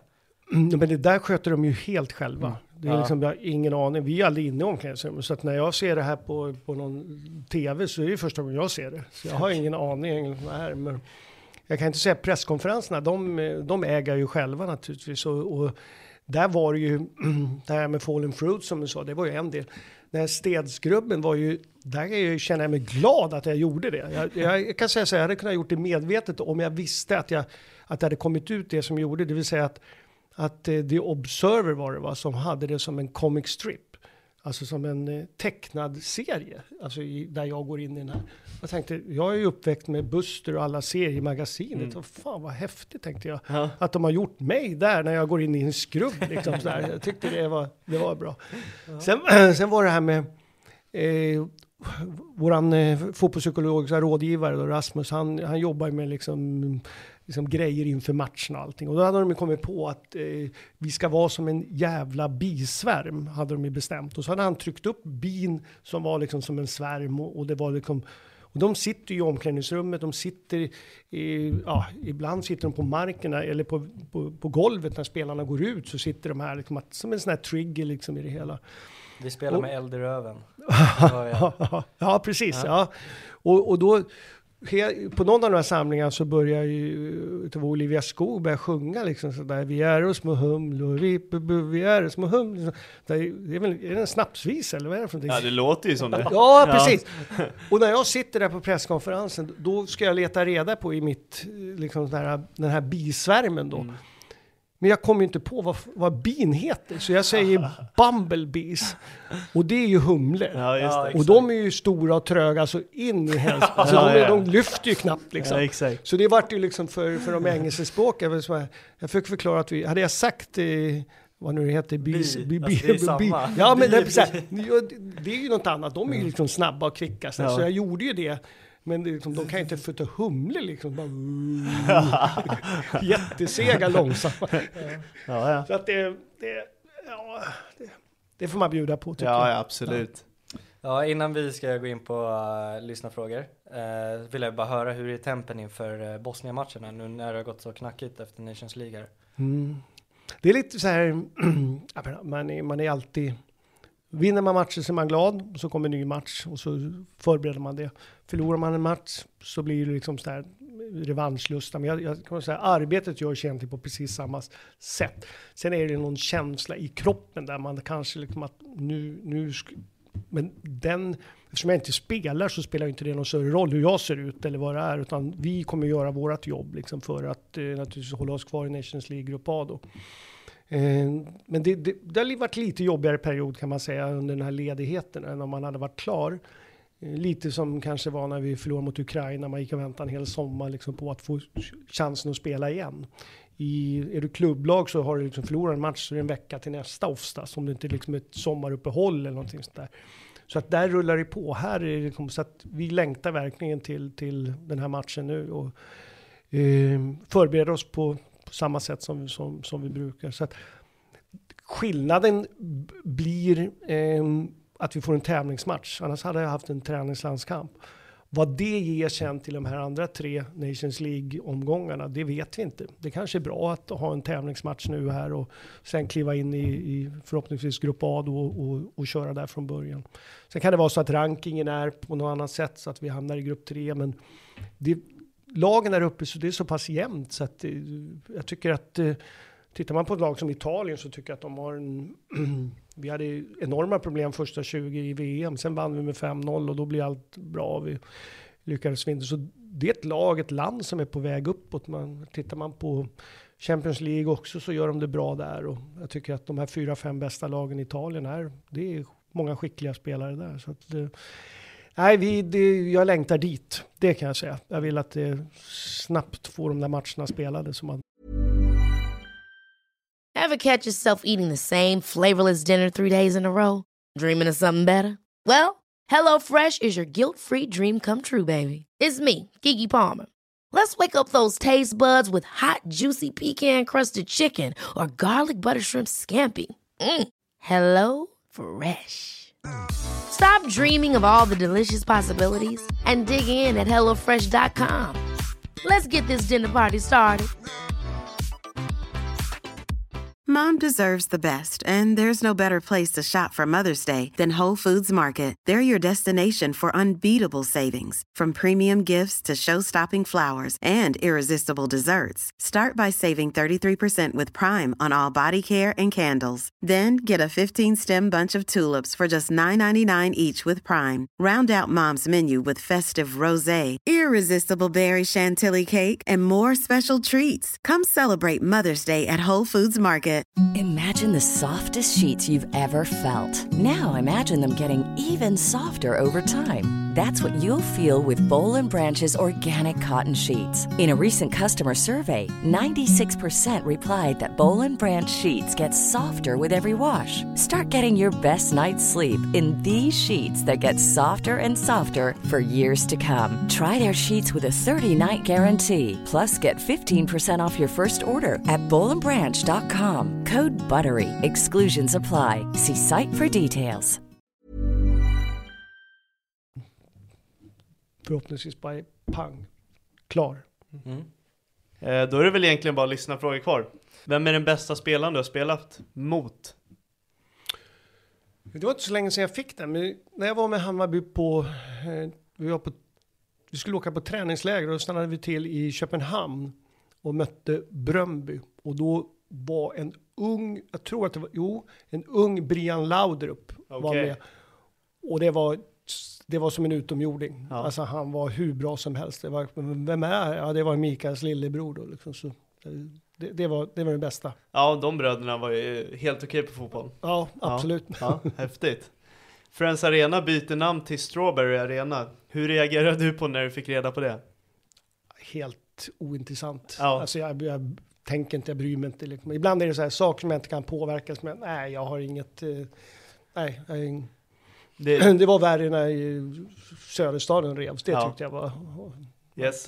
Nej men det blev väldigt uppmärksamt eh, nu när det byttes och eh, narr och allt vad det är. Eh, det var väl allt ifrån till att oj vad tufft det ska bli att spela en derbymatch på jordgubben och ja, det låter ju roligt, det gör det ju. Ja. Du är ändå fan, alltså, fanatiker av arenor också. Ja. Ska en arena heta Strawberry Arena. Ja, precis. Men inte så mycket namn, utan mer liksom var arenor Mm. ligger. Och Mm. det, det intresserar mig, som jag sa med, med Fulham, Kevin Cottage. Jag började, um, vad var det, jag var på någon tränarresa och eh, nu kommer jag inte ihåg, den i Tyskland. Och då blev jag, var vi i Freiburg. Mm. Och den, men jag tror att de har byggt om den nu, men den låg bra sådär. Så att jag, jag har lite sådär. Sen, eh, Strandvallen tycker jag är läckert. I, Den är häftig. i, ja, jag tycker den är läcker. Så att, Har du varit i Florens och kollat på Ja, Fiorentina? ja. Du har det? Mm. Ja, vad tyckte du om den?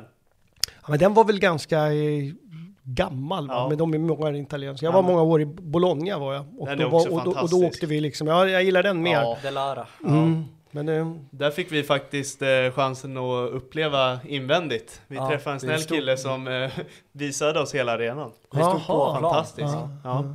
Jättevacker. Första Ja. gången man har gjort det utomlands. Stå Ja. mitt på en fotbollsplan. Mycket frågor om Bayern. Är du intresserad av jobbet? nej. Mm. Det, nej, men det, det, det är också så att jag har spelat där i tio år och jag, jag vet inte, det... Träna är, det, det är liksom ett jobb att, att göra där. Jag är jättenöjd med de, de, de åren jag hade där liksom. Så att, eh, nej, jag, jag nöjer mig. Nu, nu har ju Kim Hellberg herrarna, jag antar att de menar, eh, nu när Pablo lämnar damerna. Mm, det känns som ett naturligt steg. eh, att det är det de menar. Ja, ja nej. Inget där. nej, nej. Vi, vi, vilken är den bästa spelaren du har tränat? Ja, det är väl två. Henrik Larsson är ju en naturligtvis och sen är det Caroline Seger. Alltså de, båda de två liksom och sen stark konkurrens av Sebastian Larsson. Eh, måste ha med honom. Uh, kanske? Ja, nej, men jag, det, är, det är väldigt många liksom. Jag tycker att eh, jag menar, Martin Eriksson var också en sån här enormt skick, skicklig spelare. jag har- Smart, smart spelare. Precis. Ja. Men jag har lite så här, Dennis Bergkamp var min kanske här, riktigt, riktigt, eh, som jag tyckte var så stor liksom i, i sitt spel, alltså i sin speluppfattning. Så jag har alltid varit där. Och, nu hade jag Simon och Samuel Gustafsson när de var unga och eh, den utvecklingen de har haft. Men jag gillar, jag gillar den här som där huvudet, de vrider på huvudet och koll. Och Henrik Larsson, Caroline Seger, är, det är de, deras speluppfattning är ja, toppklass Mm. naturligtvis. Det är intressant det här med bröderna Gustafsson, för det är ju inte de snabbaste, det är inte de starkaste, det är, men smartast, det är de. Det kan man ju verkligen ge dem. Ja, men jag hade, ju, jag hade ju Simon och Samuel Gustafsson och så hade jag Hossam Aiesh eh, och eh, jag skulle då kommer jag ihåg att jag nästan skulle ha klonat dem. För Simon och Samuel de spelar, spelar bara ett tillslag och Ja. Hossam han bara dribbla. Så jag tänkte, kan inte ni lära er av varandra? Att Exakt. du, liksom, då, då kan det bli bra alla tre. Ja. Så att, eh, men de är ju bra alla tre. Det blev bra av alla tre, ja exakt.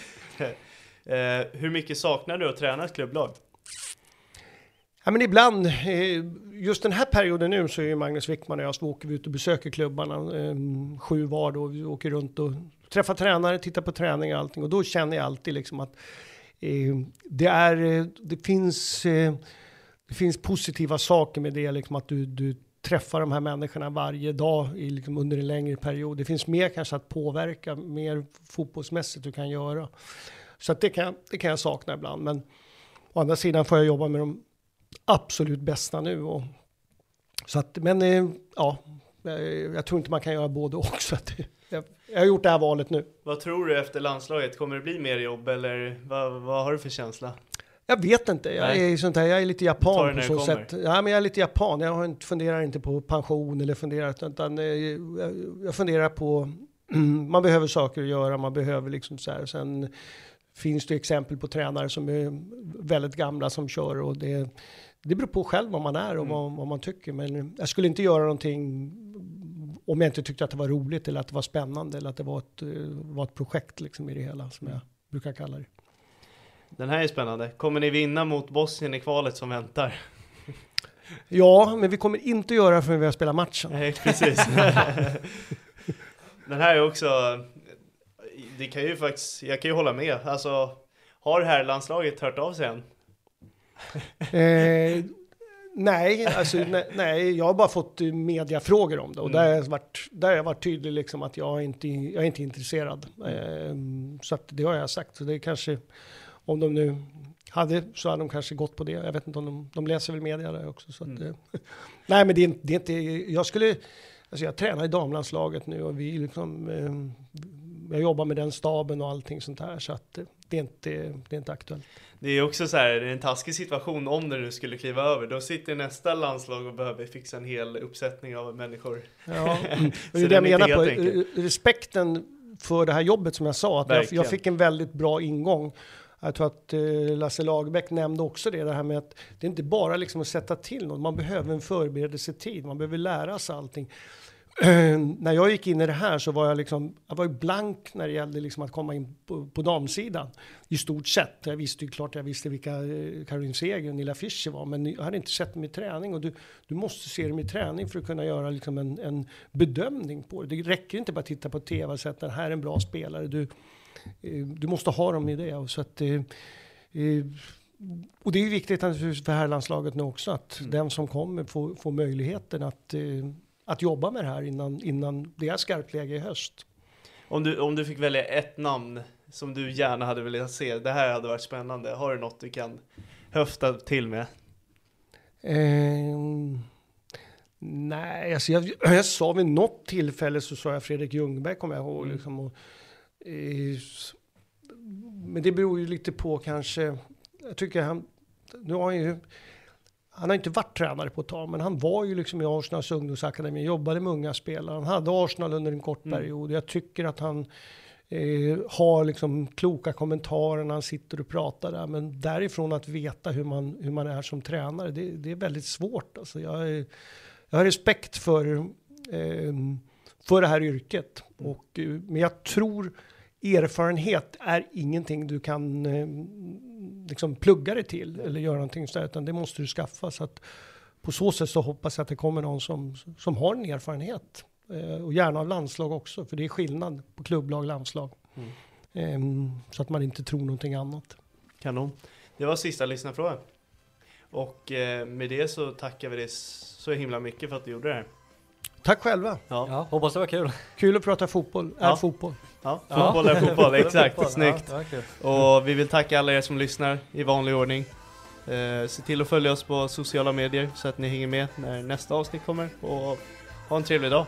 Ja, en trevlig dag. Och podcastplattformarna ska de följa oss på också. Ja, Det de exakt. ja. Det, det finns ju hundra olika vi lägger ut på samtliga tror jag. Så oavsett vilken du har, tack. Mm, Ja. stort tack. Och ha det bra.